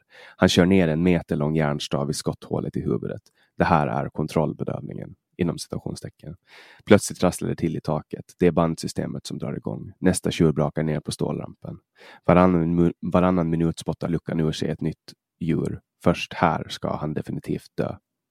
Det här är ju väldigt starkt målande eh, bilder. Man, jag känner lite avsmak när jag läser hur någon kör ner en meter lång järnstav i ett skotthål i huvudet på en ko. Liksom. Mm. Um, idag känns det som, och det här, det här är min upplevelse, idag så känns det som att folk när de pratar om varför man ska äta mera plantbaserad mat så handlar det mer om att nej, vi, ska, vi ska tänka på klimatet mm, mm. Och, och, så. Att det här narrativet om, om hur man behandlar djuren har lite på något sätt försvunnit ur fokus. Jag vet inte, kanske människor är trötta på det eller vad, vad tror du? Ja, det är väldigt intressant att säga för att jag satt igår, senast igår, vi har ju, jag har två barn, eh, en är sex och en är tio. Eh, de har aldrig ätit kött, eh, någon av dem, men vi är inga veganer på något sätt. De dricker mjölk och vi äter fisk och, och, och, och, och ja, ost och sådär. Men då, men kött är liksom, det har de aldrig, alltså rött kött, djurkött, det har de aldrig ätit. Och, eh, och det är, jag tycker det är otroligt fascinerande då att eh, i stort sett, nu bor vi på Södermalm i Stockholm som är då känt för att vara liksom den här komiskt PK-miljön i, i Sverige. Det är liksom epicentret för liksom eh, politiskt korrekt eh, beteende på alla möjliga sätt när det gäller konsumtion och allt möjligt. Han är, han, vår son han, han var så ensam i sin klass att vara vegetarian. Ingen annan eh, i klassen var det. Så han blev utpekad då, nu har han inga problem med någonting egentligen, men, men i någon mening blev han ju indirekt utpekad som annorlunda då, hör han hela tiden liksom. Och jag tycker det är djupt fascinerande. Den här så kallat upplysta delen av världen då, eh, inte ens där, eh, till och med där är liksom köttnormen då så otroligt manifest liksom så att han blir liksom ensam. Och jag undrar verkligen, liksom, fattar är sak att folk kan Eh, man ska inte förbjuda människor att äta kött, men att, att, att, eh, att det fortfarande serveras kött i svenska skolor tycker jag, jag, jag förstår faktiskt inte det. Jag, jag, begriper inte varför det är så, det tycker jag är helt otroligt. Både liksom av, av klimatskäl och av djurrättsskäl. Eh, då. Jag tycker det bara är helt, helt fascinerande faktiskt att, att det fortfarande ser ut så. Och att inget politiskt parti kan ja, det, är bara, det är bara djupt fascinerande. Men då så sa han då, han, han, har liksom, han brukar inte prata om det, här men till frukost eh, eller vad det nu om det var middag igår, så sa han, då tog han upp det där, liksom, det där liksom att ja, när folk frågar mig eh, varför det finns vegetarianer, sa han då, det är han i tio år då, eh, då, brukar, då, då brukar jag säga att, eh, att det, vi, vi har liksom inte pratat så mycket om de här grejerna. Det är bara självklart. Vi vill liksom fostra på något vis. Bara, det, det är liksom total normalitet att kött finns. Liksom. Det har aldrig stått någon skinka i vårt kylskåp, skulle aldrig göra det heller. Liksom. Vi, tycker, vi tycker det liksom bara är äckligt. Men Eh, så han, och det är det som är liksom lite, ja, vi försöker skapa normalitet kring det, liksom, det är så det ser ut. Även om han naturligtvis är en del av en annan värld som ser helt annorlunda ut. Men då, när han, då, då så sa han just det, precis som du säger då. Alltså det är lite intressant, då sa han att, då brukar jag säga att nej men eh, kött är dåligt för klimatet, så därför äter inte vi det. Liksom. Så det, hans referens var inte djurets skäl, utan det var liksom klimatet. Och så stä, det stämmer väl att det är mer gångbart på något vis eh, att, eh, eh, att liksom prata om klimatet. Det är liksom den stora frågan idag. Djur, men jag tycker nog att djurrätts, djurrättsskälen är ju minst lika, lika stora. Liksom. Men jag har märkt på mig själv också att jag börjar referera mer till klimatet i den mån folk frågar. Liksom, eller folk blir ibland provocerade liksom, av att man inte äter kött då, då, då brukar ju mm, folk... Det är ju lättare. Ja, precis. Det är lättare för folk. Jag har ju, samma, jag har ju samma en grej där med att jag dricker inte alkohol Nej, av, av hälsoskäl. Ja, uh, för att jag, jag är bipolär, ja. typ 1, och, och då ska man inte dricka alkohol, det är ingen bra idé. Nej. Och då när folk frågar så vill inte jag, dels så vill inte jag börja dra upp någonting sånt, för det mesta så förstår inte, för folk förstår, har liksom ingen djup förståelse i, i, i sådana former av affektiva sjukdomar, så det jag brukar svara är att ja, men jag kör eller ja, men jag, tar en, jag tar en medicin som gör att jag inte kan blanda. För ja, det. det. går liksom inte att förklara för människor vad man har för, alltså, för då ska jag samtidigt förklara hela min värld för dem. Och jag kan inte i två meningar kommunicera mina referensramar till ja. dem. Det, det är liksom omöjligt. Och då är det lättare att bara förenkla det till någonting som folk kan förstå. Ja, precis. Ja, så, så är det. Och också som gör att folk inte, folk blir, blir inte lika kränkta av, av, av det heller. Om man säger liksom att nej, men jag vill inte jag vill inte bidra till industriell storskalig misshandel av, människor, av, av individer som verkar ha ungefär lika sofistikerade nervsystem som du och jag. Om man säger så, så mm. då blir folk väldigt kränkta. Liksom. Mm. Uh, Däremot har jag en, en kost som, som kan man säga är ganska raka motsatsen till det, till det du väljer. Uh, ja. Och det är också någonting som jag gör av, av samma, samma skäl, hälsoskäl. Nu äter jag i princip bara kött. Ja, ja. Um, för att det är det enda som funkar för min mage och, och min bipolära sjukdom. Um, det har varit liksom en lösning. Jag har gått ner 50 kilo och mitt liv är helt annorlunda. Men där är, där är liksom det jag, det, det jag måste göra är att jag måste äta lokalproducerat, alltså gräsbetat kött. Eh, bara sånt som, som har beta. Ja, precis. Ja. Jo, men det är många så, som... Så... Och det är mycket bättre än, eh, jag menar, det stora problemet är köttindustrin såklart. Sen eh, om man äter vilt eller äter kött som är liksom producerade under sofistikerade, eller i alla fall, eh, inte sofistikerade fel ord kanske, men, men, eh, men drägliga förhållanden. Det är ju liksom, det är liksom något helt annat. Mm. Liksom. Men jag, jag bodde i Stockholm, jag bodde på Södermalm på Mariatorget i i tre år. Mm. Skanstull också. Där jag upplevde att det var svårt att få tag på, på just det här köttet. Jag, jag har ju testat alla dieter, alltså mm. vegan, mm. eh, keto, vegan, mm. vegetarian, pescetarian, allt. Och sen, sen var jag bold enough eh, för att testa eh, carnivore, mm. som, som jag äter nu. Mm. Men det, jag upplevde att det var väldigt svårt att få tag på bra kött eh, i Stockholm. Däremot när jag bott i Västervik, då kan man åka till, till deledisken på, på Ica Maxi och, och, och så får man veta liksom ja, men, vad, det är, vad, vad kon har ätit, vilken gård den kommer ifrån etc. Mm. Och då blir det lite lättare. På Åland kan jag åka ut till, till min kompis som, som är ekologisk köttbonde ja. och, och, och, och, hämta kött. Ja. Men, men, så, fort, så, så fort jag, alltså du vet, det värsta det är ju det här köttet från typ Brasilien och, och sådana ställen där de eh, jag vet inte ens hur de får hit. Men ja. det är så här billigt kött och, så, och, och, om jag äter det så bara det skär sig direkt, alltså hela systemet. Ja. För att de, det är så onaturligt sätt att hålla djuren på. Men om de får gå ute på ängar och så. Um, ja, det där, jag vet men, men där Södermalm, jag vet det är svårt. Här, jag upplever, jag har ju kompisar som liksom jobbar med det där och då eh, det är någon sorts mikrokanaler då liksom att de, ja, en av mina kompisar, hans pappa är veterinär och eh, numera då också bonde så de föder upp kor, tror jag primärt är kor, jag vet inte om det är primärt nötkött tror jag, eh, är uppe i Norrland då på någon gård och sen så slaktar de en gång om året och sen så kör de ner partierna så säljer de till ja, övre medelklass i Stockholms innerstad. Ja, och det är ju dyrt, det är ju det som ja. blir problemet då, att det blir jättedyrt. Ja. Um, men där är det, och jag försöker också äta mycket vilt. Um, och man märker, alltså man, man, märker stor skillnad. Jag, jag äter ju inte kött bara för köttets skull, utan jag äter det för att för att det funkar för mig. Jag vet, inte, jag, jag, vet inte hur de långsiktiga hälsoeffekterna kommer att bli, men om jag ska ha en sjukdom som, som botades eller åtminstone lindrar symptomen om jag börjar röka cigaretter, ja. Eh, då ska jag kanske göra det. Jag vet inte. Ja, precis. Sannolikt. Eh, sen har du också skrivit en bok som heter Americanos. Mm. Eh, och här har du skrivit om eh, ska vi säga, det här är en politisk resereportage om rebellernas nya ansikten.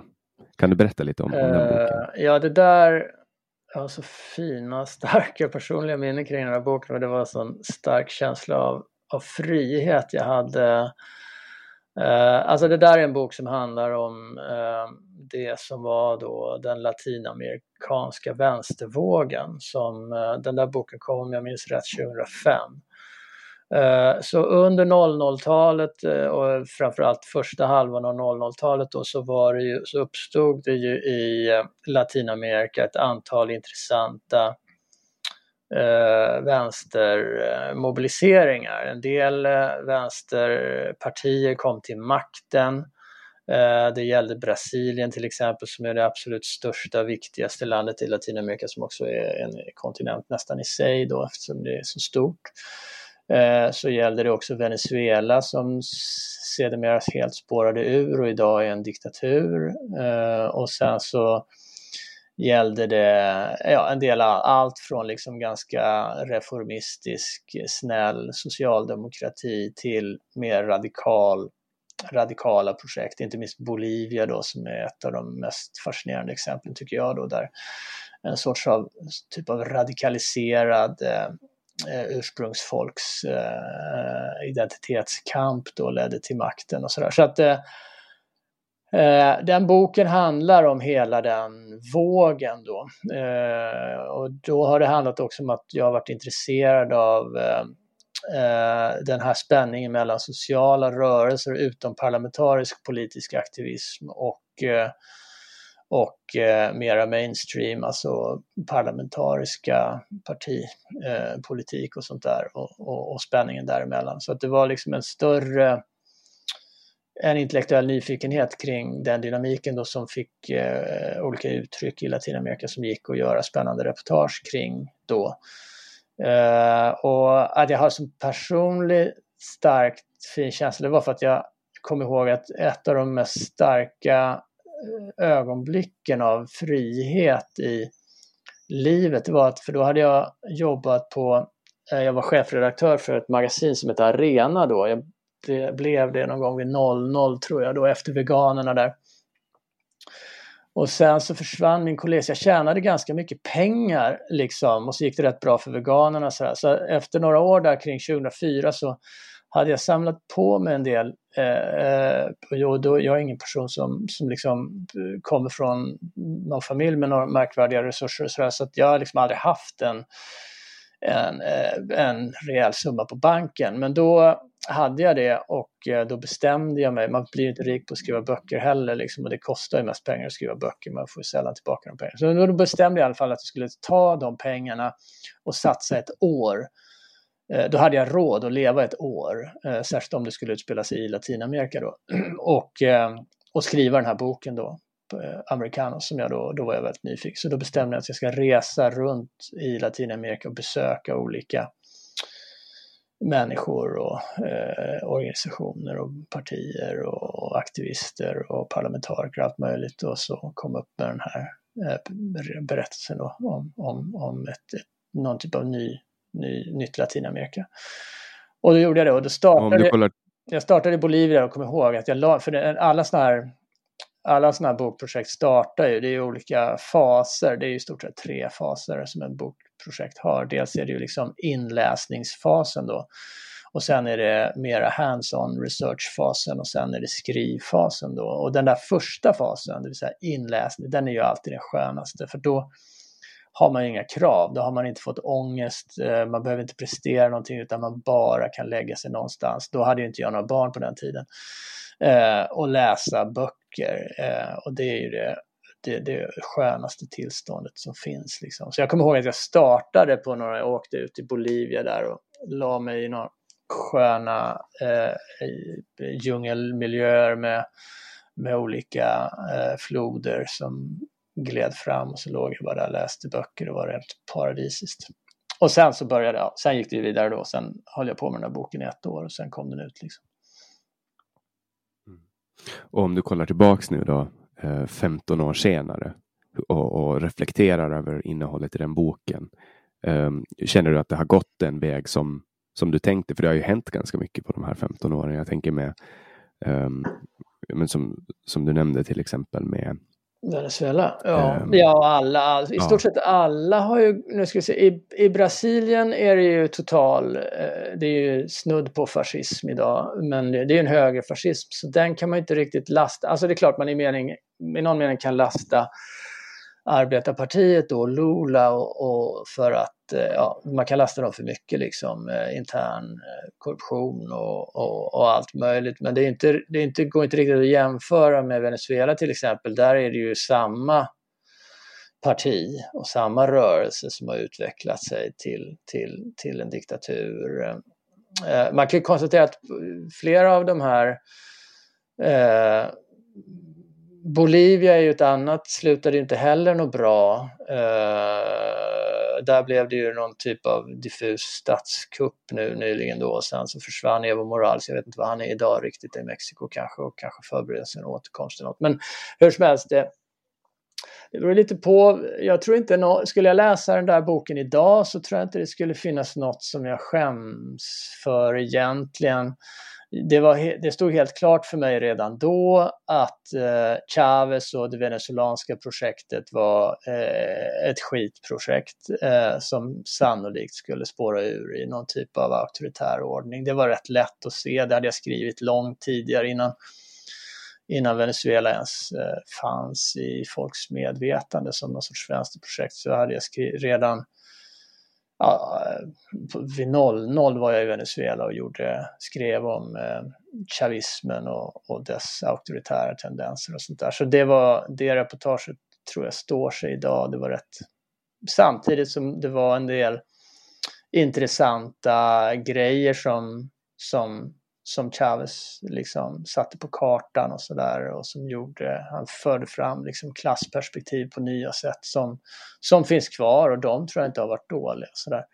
Men han var ju i grunden en militär eh, och en populist och en auktoritär person. Så, det, så jag tror att det finns, jag tror inte det är något. Sen eh, Lula och det, var inte heller någon okritisk. Det, den, det reportaget handlade inte om PT då som är arbetarpartiet då som, som sen efter ett tag eh, drogs in i massa, eller orsakade massa, massa korruptions, eh, eller bara drabbade massa korruption och sådär. Men utan det handlade om det som man kallar, som eh, som hette MST, alltså de jordlösas rörelse handlade mitt Brasilia-reportage om och vilken roll den har spelat och så. Och den finns ju kvar idag och, och eh, lever och eh, det var ju en sorts Eh, Eh, hjälp till självhjälpsidé bland fattiga bönder i Brasilien som inte hade Och Det är ju fruktansvärd ordning. Jag menar det är ju en feodal ordning i Brasilien. Så i norra Brasilien så är det ju så att vita människor har pengar, svarta människor har inga pengar.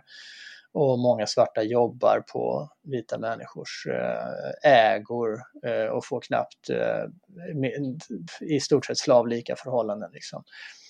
Eh, och så finns det då en massa mark där som eh, rika människor köper upp och använder för spekulation för att de kan köpa det och så låter de marken ligga död därför att de ska sälja den tio år senare. Och, sånt där. och då finns det liksom en paragraf i konstitutionen då som är progressiv som säger att om mark inte används eh, så har eh, jordlösa rätt att börja bruka den marken. Eh, och då, så att man liksom, eh, då skaffar de sig det. Och det är, det är den paragrafen i konstitutionen då som den här rörelsen har, har tagit fasta på och som, som har gjort att den har fötts då. Och Så jobbar de utifrån det. Så de engagerar då, organiserar jordlösa bönder i Brasilien eh, som, som, och hjälper dem att, eller tillsammans, det är ju rörelsen är ju människorna, och, och så ockuperar de mark då och gör då den marken till sin egen. I grunden en väldigt, väldigt sund, sund och bra eh, rörelse. Eh, sen finns det en massa religiösa och revolutionära överslag eh, som, man kan, eh, som man kan raljera över och tycka är fåniga och sånt där, eh, vilket jag också lite gör i boken då. Men i grunden var det, är det någonting väldigt, väldigt fint liksom att att jordlösa män eh, människor som inte har någonting i princip eh, tillsammans skaffar sig små jordlotter och börjar odla och kan överleva eh, på den marken. Det är en, det är en väldigt, väldigt fin, eh, fin berättelse om fattiga människors försök att göra livet bättre. Så den storyn står sig nog också ganska bra. Det bästa kapitlet, eller det som jag är mest nöjd med, är nog det från Bolivia Eh, som ju handlar om eh, rasism egentligen och, och, handlar om det faktum att eh, majoriteten i Bolivia har ju tydliga eh, eh, rötter då, eller identiteter eh, som antingen är quechuas då eller aymaras som är två, två ursprungsfolk och de har ju då systematiskt eh, varit eh, utsatta för systematisk rasism och strukturell rasism på ett sätt som varit alldeles fruktansvärt. Och eh, Evo Morales då som väl kom till makten strax efter min bok kom ut, jag tror att 2006 kanske han valdes, hur det nu var. Ja, det var ju också en eh, han samlade upp den, den antirasistiska kraften som fanns i det och, och bar den in i parlamentet. Och sen var han, ballade han ju ur som alla latinamerikanska revolutionärer. De är ju oftast män och män är ju hela, hela liksom eh, det patriarkala finns ju också väldigt närvarande inom vänstern och sånt där. Så att, eh, det var väl i och för sig ganska förutsägbart att han skulle börja växa fast vid makten och så, men det betyder inte att han inte har gjort en väldigt, väldigt mycket bra saker. Det gjorde han under lång tid och sen blev han eh, för maktkåt så han inte klarade av att och, ja, stiga av. Eh, och det är ju naturligt. Mm. Det är väl det som brukar hända. Ja, så det är en ganska vanlig resa liksom, tyvärr. Mm. Och eh, sen har du också skrivit en, en essäsamling då, Kött på flykt. Ehm. Ja, just det. Det är egentligen en samling olika, olika eh, ja, det är olika reportage och essäer och krönikor och sånt där. Så det är inte en strikt essäsamling, det är en artikelsamling kan man säga. Olika texter som mm. jag skrev under, under 00-talet. Och, och kokaina pratar vi om. Men sen 2012 eh, så skrev du De hatade om mm. radikalhögerns mm. måltal och det var efter Utöja som du skrev den boken. Uh, ja, exakt. Det, det, det, är en väldigt uh, fin bok, tycker jag själv, uh, som ju handlar om kanske det som är mitt starkaste engagemang då, som ju handlar om att avtäcka, avtäcka auktoritär höger. Liksom.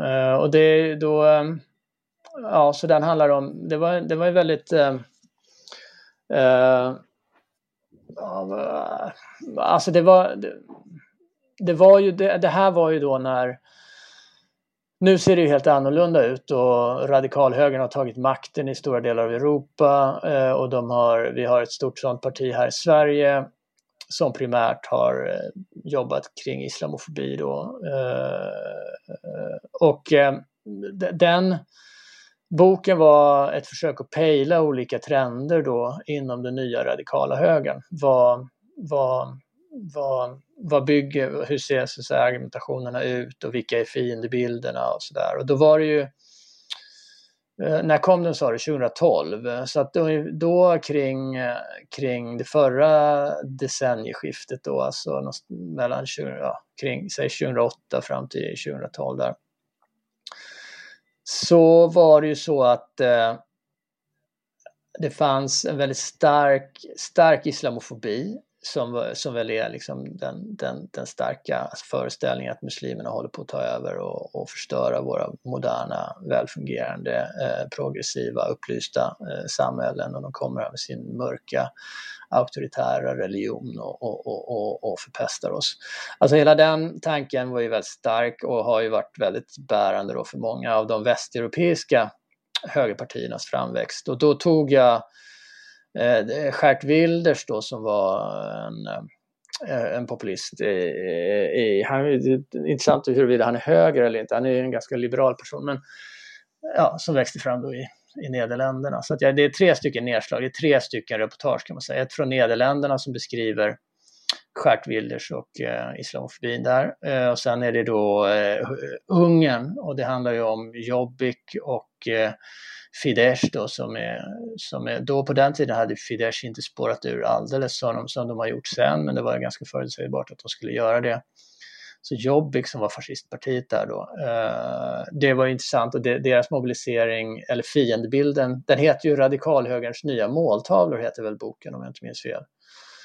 Eh, och där finns ju då, var ju eh, romerna, så att säga måltavlan primärt då, eh, som mobilisering. Alltså all, alla sådana här högerprojekt bygger på en vi och dem vi och dem eh, logik liksom. Vilka är de och vilka är vi? Och hur bygger man viet och hur bygger man domet och, och vilka krafter kan skapa det mest eländiga eller farliga domet eh, så att vi framstår som, som, som hotade och rena och fina och sådär. Så det är liksom den dynamik som finns. Och så att, eh, där handlar det mycket om, eh, om, om det då. Eh, så då intervjuade jag mycket eh, romer i, i, i Ungern.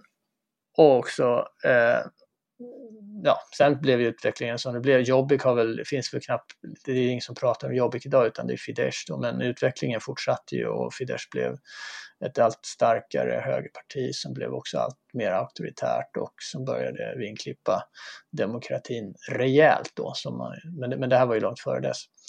Och sen det tredje reportaget är från Utöja då, som är en text som, uh, som utspelar sig där. Det är ju en rekonstruktion då. De andra reportagen utspelar sig i realt, eller liksom i presens då. Den, men i Utöja då så, så, och där handlar det ju om den tredje då, måltavlan som har varit väldigt, kanske mest betydelsefull när det gäller vi och dem vi och dem arrangemang inom, inom radikal höger, eh, nämligen eh, eh, eliten, de, den mångkulturella eh, liberala eliten då, det vill säga de här människorna som, som, eh, som då ställer dörren på glänt för muslimerna. Alltså de eh, eh, naiva, mångkulturellt vurmande, eh, kosmopolitiska eh, krafterna som finns då inom, inom socialdemokrati eller liberala, även inom tid, nu finns inte det kvar inom, inom svensk eh, höger, men på den tiden fanns ju också så att säga eh, liberala krafter i,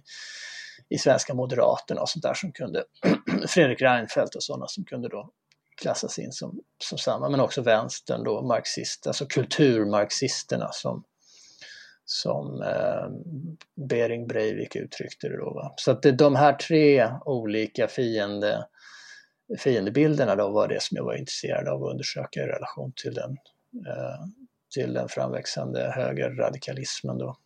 Och, och så, så den handlar om det, boken handlar om, om det liksom, och hur de där samverkar och, och i, i vilken mån det ligger någonting i det, finns det, kanske finns bitar av det där som är sant och, eh, och vad är eventuellt sant och vad är falskt och, och, och så.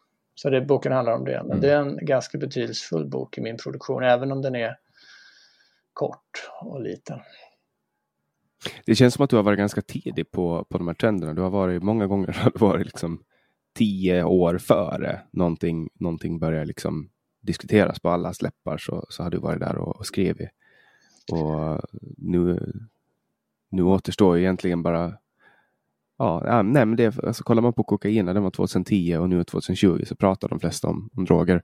Det var ju inte så länge sedan som, um, som Lena Hallengren, då, socialminister i, i regeringen Löfven 2, gick ut och sa att hon inte kommer att utreda, um, en, utreda narkotikapolitiken uh, på, trots att, att Folkhälsomyndigheten har uh, rekommenderat det här. Och det här visar ju på vad det finns för eh, vad ska man säga, inbitna åsikter i, i det ledande partiet i Sverige. Att man, man, man har en myndighet där man ena dagen säger att vi ska lita på vad myndigheten säger när det kommer till coronapandemin, men när det kommer till narkotikapolitik, då, då spelar det liksom ingen roll vad myndigheten säger. Vi kan inte skicka de signalerna. Mm. Och det tycker jag är lite intressant och det gör ju att hela den här diskussionen med dig blir ganska aktuell. Um, ja. jag, jag, får en större förståelse när man, när man ser din resa genom det här, alltså veganerna, amerikanos, kokaina, eh, de hatade knä. Alltså, du har en, väl, alltså en, en, en facklitterär bas, eh, men det finns ändå, jag kan ändå, jag kan ändå liksom på något sätt se att det finns någon form av ideologisk drivkraft eh, som handlar om rättvisa kanske. Är väl, det, är väl, det är väl det jag får, får till mig. Men du har tidigare själv i ungdomen varit politiskt aktiv, är det, visst är det väl så? Eh, ja, det har jag. Inte, inte, inte mycket alltså, det måste jag säga. Inte, jag var, när jag var ung så var jag engagerad i syndikalisterna då, så jag har liksom en, vad ska man säga, en frihet, en bakgrund inom den frihetliga vänstern. Så. Eh, men eh, jag har inte varit aktiv i någon, eh, i någon organisation på väldigt, väldigt länge.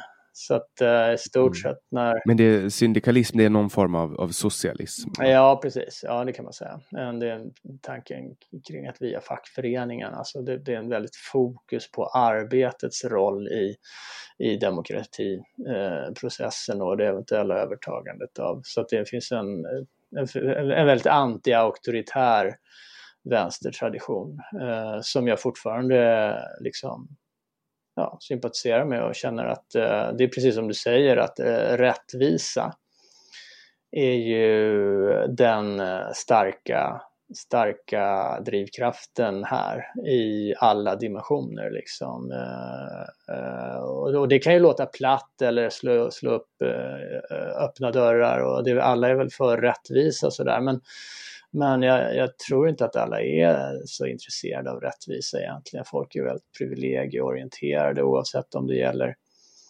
rätten att, eh, ja, rätten att fortsätta sina livsstilar. Liksom. Och jag känner liksom rättvisa, radik, radikal rättvise, eh, rättvisa ambitioner, om det så handlar om intellektuellt arbete kring det eller om det handlar om praktiskt arbete kring kring liksom rättvisekamp, liksom, där människor ska, ska eh, ja, ges möjlighet, inte, inte, inte utnyttjas liksom. Eh, människor, det, det, det, är klart, det är väl, det, alla skulle kanske säga att de blir upprörda av det, men det, det vet jag inte. Men det, det, det är väl det som är det viktiga liksom. Att människor inte ska och jag tycker att det... Det, det är väl det som är det politiska projektet liksom. Och jag kan inte se liksom att att hög, det som man traditionellt kallar höger är, är mer intresserad eller mer eh, praktiskt engagerad i det än, än vänstern. För mig har det varit eh, ett, vänster, ett vänsterprojekt. Liksom. Att mm. se till att människor inte eh, diskrimineras för att de ser ut på ett visst sätt eller inte används som slavar eller inte eh, får skäliga, eh, att man får skälig lön. Eh, att man, jag menar, jag vet inte riktigt vilka om man tittar historiskt så vet jag inte riktigt vad, vad, vad, vad en, en högertradition har att vara stolta över. Jag ser inte riktigt det. Det finns bara motstånd mot allt som har varit bra i min värld. Mm. Ja, så alltså kollar man, kollar man på, jag ska inte gå in i, i, i polemik nu, men kollar man på, på de marknadsliberala reform, reformer som skedde i början på 1900-talet i Sverige så gjorde ju det att, att Sverige kunde ta sig upp ur, ur den fattigdom som, som man då var i. Så att på något sätt, men det handlar väl mer om att man går bort från det auktoritära kanske? Ja, absolut. Mm. Nej, men det finns ju helt klart en massa eh, ekonomisk dynamik som har lyft enorma mängder människor ur fattigdom på ett, på, på ett sätt som där det finns ju absolut bidrag eh, från, kanske inte så mycket högern, men från, från liberala krafter och sånt där. Och det där är en stor fråga, marknadsekonomins roll och funktionssätt i i det stora projektet att lyfta människor ur fattigdom. Det, och det har jag, jag har aldrig varit någon Jag har aldrig varit någon direkt motståndare mot marknadsekonomi. Däremot, eh, eller det, det jag tror kanske till och med att, marknads, att demokrati förutsätter marknadsekonomi. Så, där. så att jag menar, det finns ingenting det finns, ing, det finns varken någonting planekonomiskt eller auktoritärt i, de, eh, i den tradition som jag känner mig identifierad med. Mm.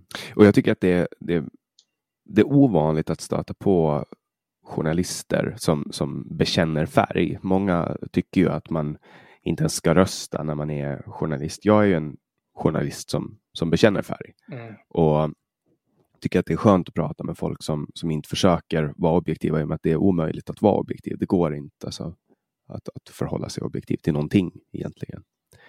Uh, hur tänker du när det kommer till just den här när det kommer till den journalistiska debatten, när folk pratar om objektiv och trovärdig journalistik. Finns det någonting som är objektiv och trovärdig journalistik? Alltså trovärdig journalistik finns ju helt klart. Eh, objektiv journalistik, det, det, kan jag inte se att det finns. Eh, det, det, det, finns det ju på samma sätt som, alltså det är den här nypositivistiska idéerna om att liksom saker och ting i språk och, och, sånt inte spelar någon roll. Va? Men det tycker jag är trams. Eh, det är klart att det inte finns eh, objektiv journalistik, men det finns allsidig journalistik, det finns eh, uppriktig journalistik, det finns trovärdig journalistik och så. Och jag, eh, apropå det här mellan politik och journalistik, så jag är ju inte jag identifierar mig inte på något sätt som politisk, eh, som politisk agent. Eller, eller, eller det, det, är inte det. Jag är inte jag jobbar intellektuellt så att jag skulle aldrig ha några problem att beskriva svagheter eller idioti eller vad som helst inom vänstern, inte heller inom den vänstertradition som jag liksom, alltså jag, det finns inget sånt utan min identitet är den oberoende, nu vet jag inte om jag identifierar så, så mycket som journalist längre, men det gör jag väl i någon mening, eller författare eller, eller liksom eh, ja, bidrar till, till liksom tänkande sådär. Och det, det, är där som min identitet ligger och det är det som jag tycker är viktiga. Så att det finns ingenting instrumentellt. Där stöter man ju på patrull då. Och det där stör mig som fan när man, när man ingår. Det behöver inte vara, det behöver inte vara politiska eh, sammanhang. Det kan ju vara organisationer eller företag som man är indragen i som där man märker att jaha, men vänta nu. Jag trodde att det intressanta vi höll på med var att ta fram bästa möjliga text i meningen mest, mest intellektuellt givande. Det vill säga att vi ska avtäcka alla svagheter med ett resonemang och vi ska öppna dörrar till potentiellt, vi ska jobba intellektuellt. Så märker man att nej men om vi gör det så är inte det bra för oss. Det är mycket bättre för oss om vi gör så här. Om vi stänger den dörren och vi inte tar upp det där argumentet, eller, då, du vet, då, då dör mitt intresse direkt. Liksom. Jag är helt ointresserad av att vara med i sådana sammanhang. Liksom, Du vill inte befatta dig med, med politik, konkret nej, politik? Nej, nej, absolut inte. Jag är inte. Det är inte det som, eh, som det, jag tycker det är mördande tråkigt. Jag förstår att andra människor vill göra det av maktskäl, att ja, ja, om vi ska vinna det här valet så så måste vi säga så här fast det är inte riktigt sant eller något. Eller om vi ska få det här forskningsanslaget så måste vi framställa saker på det här sättet så att vi får de där miljonerna eller vad det nu kan vara. Liksom. Men jag, jag är inte, sånt håller inte jag på med, eller jag är inte intresserad. Jag är intresserad av kvalitet, jag är intresserad av text, kvali, alltså kvalitativ text liksom, eh, eller kvalitativt tänkande liksom, som, där, där där det inte finns några baktankar. Liksom. Andra kan ha baktankar och sånt där, men jag håller inte på med det. Om det visar sig att eh, eh om jag är, nu är inte jag engagerad i någon organisation, men om jag vore det så skulle jag ju aldrig hålla någon om ryggen för att liksom, den egna organisationen skulle vara... Alltså jag är helt illojal kan man säga. Det är, min, det är liksom... Mm. Jag, det är liksom för mig... Du är lojal till dig själv? Ja, det är man väl i någon mening, eh, på, på, men inte heller... Eh, jag, så alltså, jag tycker att... Eh, jag, jag, tycker att illojalitet är liksom eh, journalistikens första... Eh, det, det, det, man måste vara det. Liksom. Man, kan inte, man kan inte vara lojal egentligen. Med, alltså det finns ju nivåer av det där såklart. Att det, eh, jag förstår att att det är en privilegierad situation att kunna säga det. Jag är vit man, eh, heterosexuell från den rika världen. Då kanske det är väldigt enkelt att säga att jag är helt illojal, det vill säga att jag, jag bekänner mig, jag känner mig inte som en del av några kollektiv utan jag gör min, min grej. Jag förstår att det kan provocera om man kanske har varit engagerad, om man är Uh, inte vet jag, om man är svart kvinna engagerad i antirasistisk feministisk kamp till exempel så, så kan jag förstå att, uh, att det blir äcklande med människor som säger att de är helt illojala. Då kan jag förstå liksom att uh, lojalitet och att ha en identitet, att ingå i ett kollektiv och sånt där för att man måste göra det för att kampen ska, ja för att nå bra resultat. Så det, det förstår jag. Men men det är inte så. Jag, jag, är, jag tycker att illojalitet är en förutsättning för intellektuell verksamhet faktiskt. Mm. Just det. Och du och jag hade en, en, diskussion eh, före vi beslutade oss för att spela in det här så hade vi en, en, en diskussion om, eh, om det här höger eh, eller vad ska jag säga, populistiska narrativet som, som smyger sig in i debatten om, om yttrandefrihetskämpar eh, kontra eh, ja, så att det, du vet vad jag menar, att det mm. smyger sig in. Mm. Jag tänkte att vi skulle kunna ta, diskutera, prata lite om det. Mm. För att du uttryckte, du uttryckte en, en oro över att den här höger extrema bilden smyger sig in genom, alltså den kommer maskerad som en trojansk häst, man ska säga. Mm. Ja, jag... Var, var, Ja, men det där har ju att göra med att det finns ju, det, det är olika saker som spelar in i liksom om man deltar i offentligheten som jag då gör, men jag gör det lite kanske mindre än, än tidigare. Det är att eh, det är två saker som, som är stora. Eh, dels är det den här högerpopulistiska vågen som, som, eh, som eh, ja, manifesteras med Trump kanske som den, som den mäktigaste personen i den vågen då, men det finns Bolsonaro i Brasilien, det finns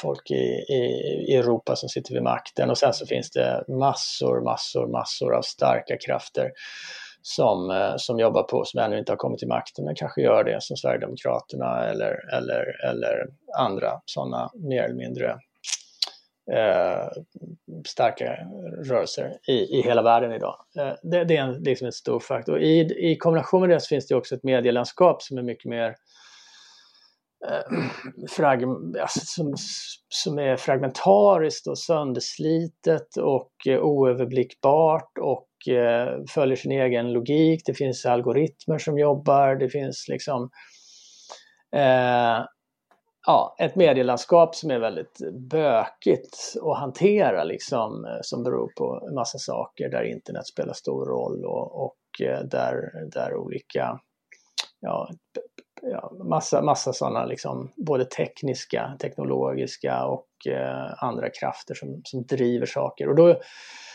i det där så sprids ju då information på, på olika sätt eh, och hela fake news-diskussionen och sånt där. Och, och eh, ett sånt här väldigt starkt och väldigt gångbart narrativ då som jag också skriver om i den här boken som vi nämnde då, De hatade, den handlar ju liksom om eh, den nya högerns föreställning om att den liksom inte får komma till tals eller, eh, eller eh, delta eller har så jobbiga sanna budskap så att de måste tystas. Och, eh, och eh, de som sitter vid makten tillåter inte de här faktauppgifterna komma fram och du har hela konspirationskomplexet som också ligger, ligger liksom nära det här.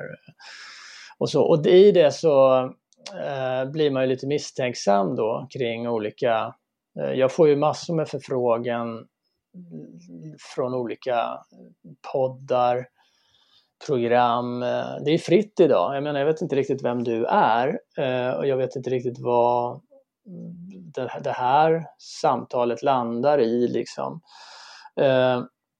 Och då vill man ju på något vis, eller jag vill i alla fall inte, det är viktigt för mig liksom att inte vara del i olika sammanhang som, som, som liksom bekräftar den här högerbilden av att, eh, att det jag har att säga är, är, är så kontroversiellt eh, så att jag eh, blir, kommer inte fram. Jag, ingen vågar, vågar intervjua mig för jag har så...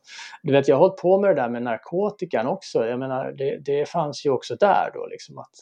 Och jag, jag, jag och det byggs ju också en myt inom högern idag kring detta och det, det skapas sådana här yttrandefrihetssällskap och sånt där. Och hela den här idén om de tystade rösterna liksom är, är en retorisk figur inom samtida höger som, eh, som jag Eh, som, som i, i bit, ibland stämmer den, ibland är det sant att det finns liksom åsiktskorridorer och att vissa saker inte får sägas eller kan sägas eller i alla fall inte i vissa, i vissa sammanhang. Men oftast så är det där bara en väldigt gångbar idé om att eh, eh, lansera eh, det här vi och dem-tänkandet eh, på ett sätt som, som jag finner eh, fel och eh, obehagligt. så så att, det, var, mm. det var det det handlade om det där. Ja, för det är ju en, eh, alltså kollar man till exempel på, på Ingrid Carlqvist-gänget, mm. eh, Katarina Janouch och dem, så handlar ju det ofta om att yttrandefriheten är begränsad i Sverige. Vi håller på att flytta oss in i en George Orwell-dystopi. Eh, vänsteretablissemanget eh, håller på kväver oss och ska införa någon form av diktatur. Mm. Och de där sakerna, man kan, det stämmer ju aldrig, vem man än lyssnar på. Alltså lyssnar man bara på någon specifik vänstergruppering och deras narrativ om eh, rasisterna håller på att ta över världen, vi kommer att bli en ny koloni, koloniseringsstat, eh, allting är liksom, hur man än gör, alla har ju lite rätt men ingen har den st stora bilden känns det som. Det känns inte som att någon inom etablerad politik eh, tar den stora bilden i och med att den är väldigt osexig. Alltså ja. den, den, stora bilden är väl någonstans i mitten av allt. Att ja, rasism existerar, strukturell rasism existerar, eh, men kanske inte på det sättet som, som man uttrycker det nu. Och ja, eh, populismen eh, finns, men kanske inte riktigt på det sättet som... Alltså, det, allt, men, men den bilden är inte riktigt politiskt gångbar. Det funkar inte. Man, man kan liksom inte locka till sig folk genom att säga att ja, men vi ska ha en lite vi ska ha en eh, bra narkotika, alltså, bra narkotika, men alltså en narkotikapolitik som är välbalanserad och lagom och vi ska inte vara för elaka med folk. Och, alltså, det funkar ju inte politiskt. Alltså man vill ju ha sina, som politiker vill man ju ha sina one-liners och, och liksom, men det ska gå hem. Mm. Det ska vara lätt att, att sälja sin politik och, och den välbalanserade mitten är väldigt svåra att sälja och det är bara att titta på Liberalerna nu. Mm. De, de håller ju på att krympa bort, liksom. ja. de kommer ju att försvinna nu. Ja, ja. ja men visst. Nej men så är det. Ja, men det, hela det där, ehm, ja det, det där är intressant eh, men jag vill då, och, ja, jag tycker att det, det gäller liksom i det här nu, kan, nu är alla ju sin egen redaktör liksom och alla kan publicera allt och sådär och, och då, då är det lite viktigt att eh, för det är så många märker, nu vet jag inte, och det var väl lite så när vi började fick kanske lite inför eh, dig och dina gäster också när jag snabbskannade då liksom att eh, den här, den är så attraktiv den här idén att man, det är, det är så naturlig, det är en så naturlig journalistisk impuls att låta den tystade komma till tals. Liksom. Den, det är en så självklar del i, i en sund eh, journalistisk impuls. Så att ibland kan det där slå över liksom i att man blir offer för högerkrafter eller andra som upplever sig som, som tystade fast det inte riktigt är så. Jag menar, titta på narkotikafrågan, det, det är jättevanligt att folk, jag upplever, och att jag själv då har liksom surfat, folk frågar mig så här liksom att, ja men du som har skrivit om det här som inte fick sägas liksom, har, har du inte drabbats eller har du inte liksom, och det är inte så. Jag har inte, jag, tvärtom som jag sa tidigare, jag tror att det är mindre gångbart, i alla fall i, den, i en större offentlighet idag, att eh, komma med något beijerutianskt eh, nolltoleransbudskap än att komma med det budskap som jag Alltså, alltså det, det, är modigare, rent om man nu ska prata om vad som är om det nu är modigt att vara udda och säga saker som inte är gångbara så tror jag det är modigare idag att vara liksom nolltoleransare eh, än att vara eh, skadelindrare. Så, så att, eh, mm. Ja, där, där är ju som att ge sig in i Mm. Det är viktigt ja, för det, att, att ge sig in i en diskussion med en nolltolerans är det ju ungefär som att börja prata om Gud med någon från pingstkyrkan. Det, ja, det, man kommer inte att vända dem. Nej, men jag menar bara liksom att det, det, det där att, att uppleva sig själv som tystad och kontroversiell, det är en väldigt vanlig figur bland eh, rättshaverister, eh, Eh, högerextrema, eh, människor som är psykiskt sjuka, alla möjliga liksom. Eh, det är en väldigt enkel idé att ta till. Och det, jag säger inte att det inte finns människor som är tysta, det, alltså, det finns såklart sådana, men de allra flesta av dem är, är nog bara ointressanta och eh, det är därför ingen lyssnade, för att de hade inte något jättespännande att säga. Liksom. Jag var på en jag var ute på, vi har en sån här bokcirkel eh, och då var jag ute med några kompisar och i, i den cirkeln då så förekommer en, en förläggare som är en av cheferna då på ett förlag. Och då kom det upp en diskussion om en, en, en tidigare författare som eh, hade skrivit böcker för, för 20-30 år sedan men nu var det ingen som ville ge ut hennes böcker eh, och då hade någon av de här killarna som jag träffade då träffat henne och då hade hon just pratat om sig själv om, i, just de termerna liksom att ja men jag är ju så kontroversiell och det är ingen som vill ge ut mig liksom för jag är ju så, du vet. Och jag hörde ju direkt, det där är ju bara en hon skulle absolut få ge ut en bok om hon skrev något intressant. Liksom. Det är ingen som är rädd. Det är en offerkofta. Bara rent, rent så. Och den där offerkoftan kommer ju på liksom eh, på alla, i alla möjliga sfärer där den, där den passar. Liksom. Och jag, för mig är det viktigt att, att, att vara lite vaksam på det där. Ofta är den eh, förenad med, ibland är den förenad med antisemitiska eh, krafter. De, där är ju den väldigt stark den och liksom att man får inte man får inte ifrågasätta eh, någonting vad gäller liksom Israel utan då, eh, och det finns andra liksom. Och jag, jag känner att där är, det ja, det är viktigt att hålla, hålla rent till höger kan jag säga när det gäller den typen av mm. eh, figur, retoriska eh, figurer. Mm. Nu har vi nått eh, tidskvoten för det här samtalet. Jätte, jätteroligt att du ville vara med, Magnus Linton. Tusen tack. Ja, tack själv. Det var kul. Och till alla er som har lyssnat eh, så får ni ju såklart gå in på hemsidan www.samtal där ni kan önska nya gäster. Jag tar alla, alla önskemål i beaktande eh, när jag väljer och jag vill gärna ha med en så pass bred eh, bred bas som möjligt av, av människor att samtala med. Så fortsätt gärna önska gäster på hemsidan. På hemsidan www.samtal.ax hittar ni också länkar till Patreon och ni hittar mitt swishnummer där ni kan donera pengar till det här helt fria projektet. Eh, vi släpper nya samtal alla onsdagar året runt. Eh, producent för det här samtalet var Didrik Svan. Jag heter Jannik Svensson och du har lyssnat på podcasten Samtal.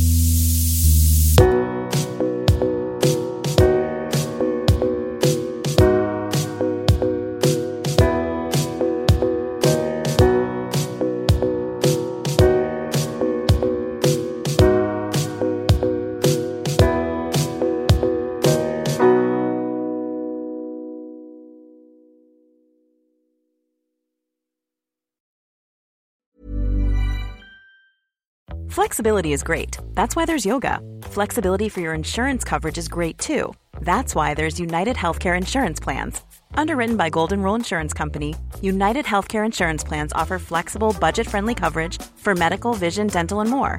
One of these plans may be right for you if you're, say, between jobs, coming off your parents' plan, turning a side hustle into a full hustle, or even missed open enrollment. Want more flexibility? Find out more about United Healthcare Insurance Plans at uh1.com. Hi, I'm Daniel, founder of Pretty Litter. Did you know cats tend to hide symptoms of sickness and pain? I learned this the hard way after losing my cat, Gingy. So I created Pretty Litter, a health monitoring litter that helps detect early signs of illness by changing colors, saving you money and potentially your cat's life. Pretty Litter is veterinarian developed, and it's the easiest way to keep tabs on your fur baby's health right at home. Go to prettylitter.com and use code ACAST for 20% off your first order and a free cat toy. Terms and conditions apply. See site for details. Even when we're on a budget, we still deserve nice things. Quince is a place to scoop up stunning high end goods for 50 to 80% less than similar brands. They have buttery soft cashmere sweaters starting at $50, luxurious Italian leather bags, and so much more. Plus, Quince only works with factories that use safe, ethical, and responsible manufacturing. Get the high-end goods you'll love without the high price tag with Quince. Go to quince.com slash style for free shipping and 365-day returns.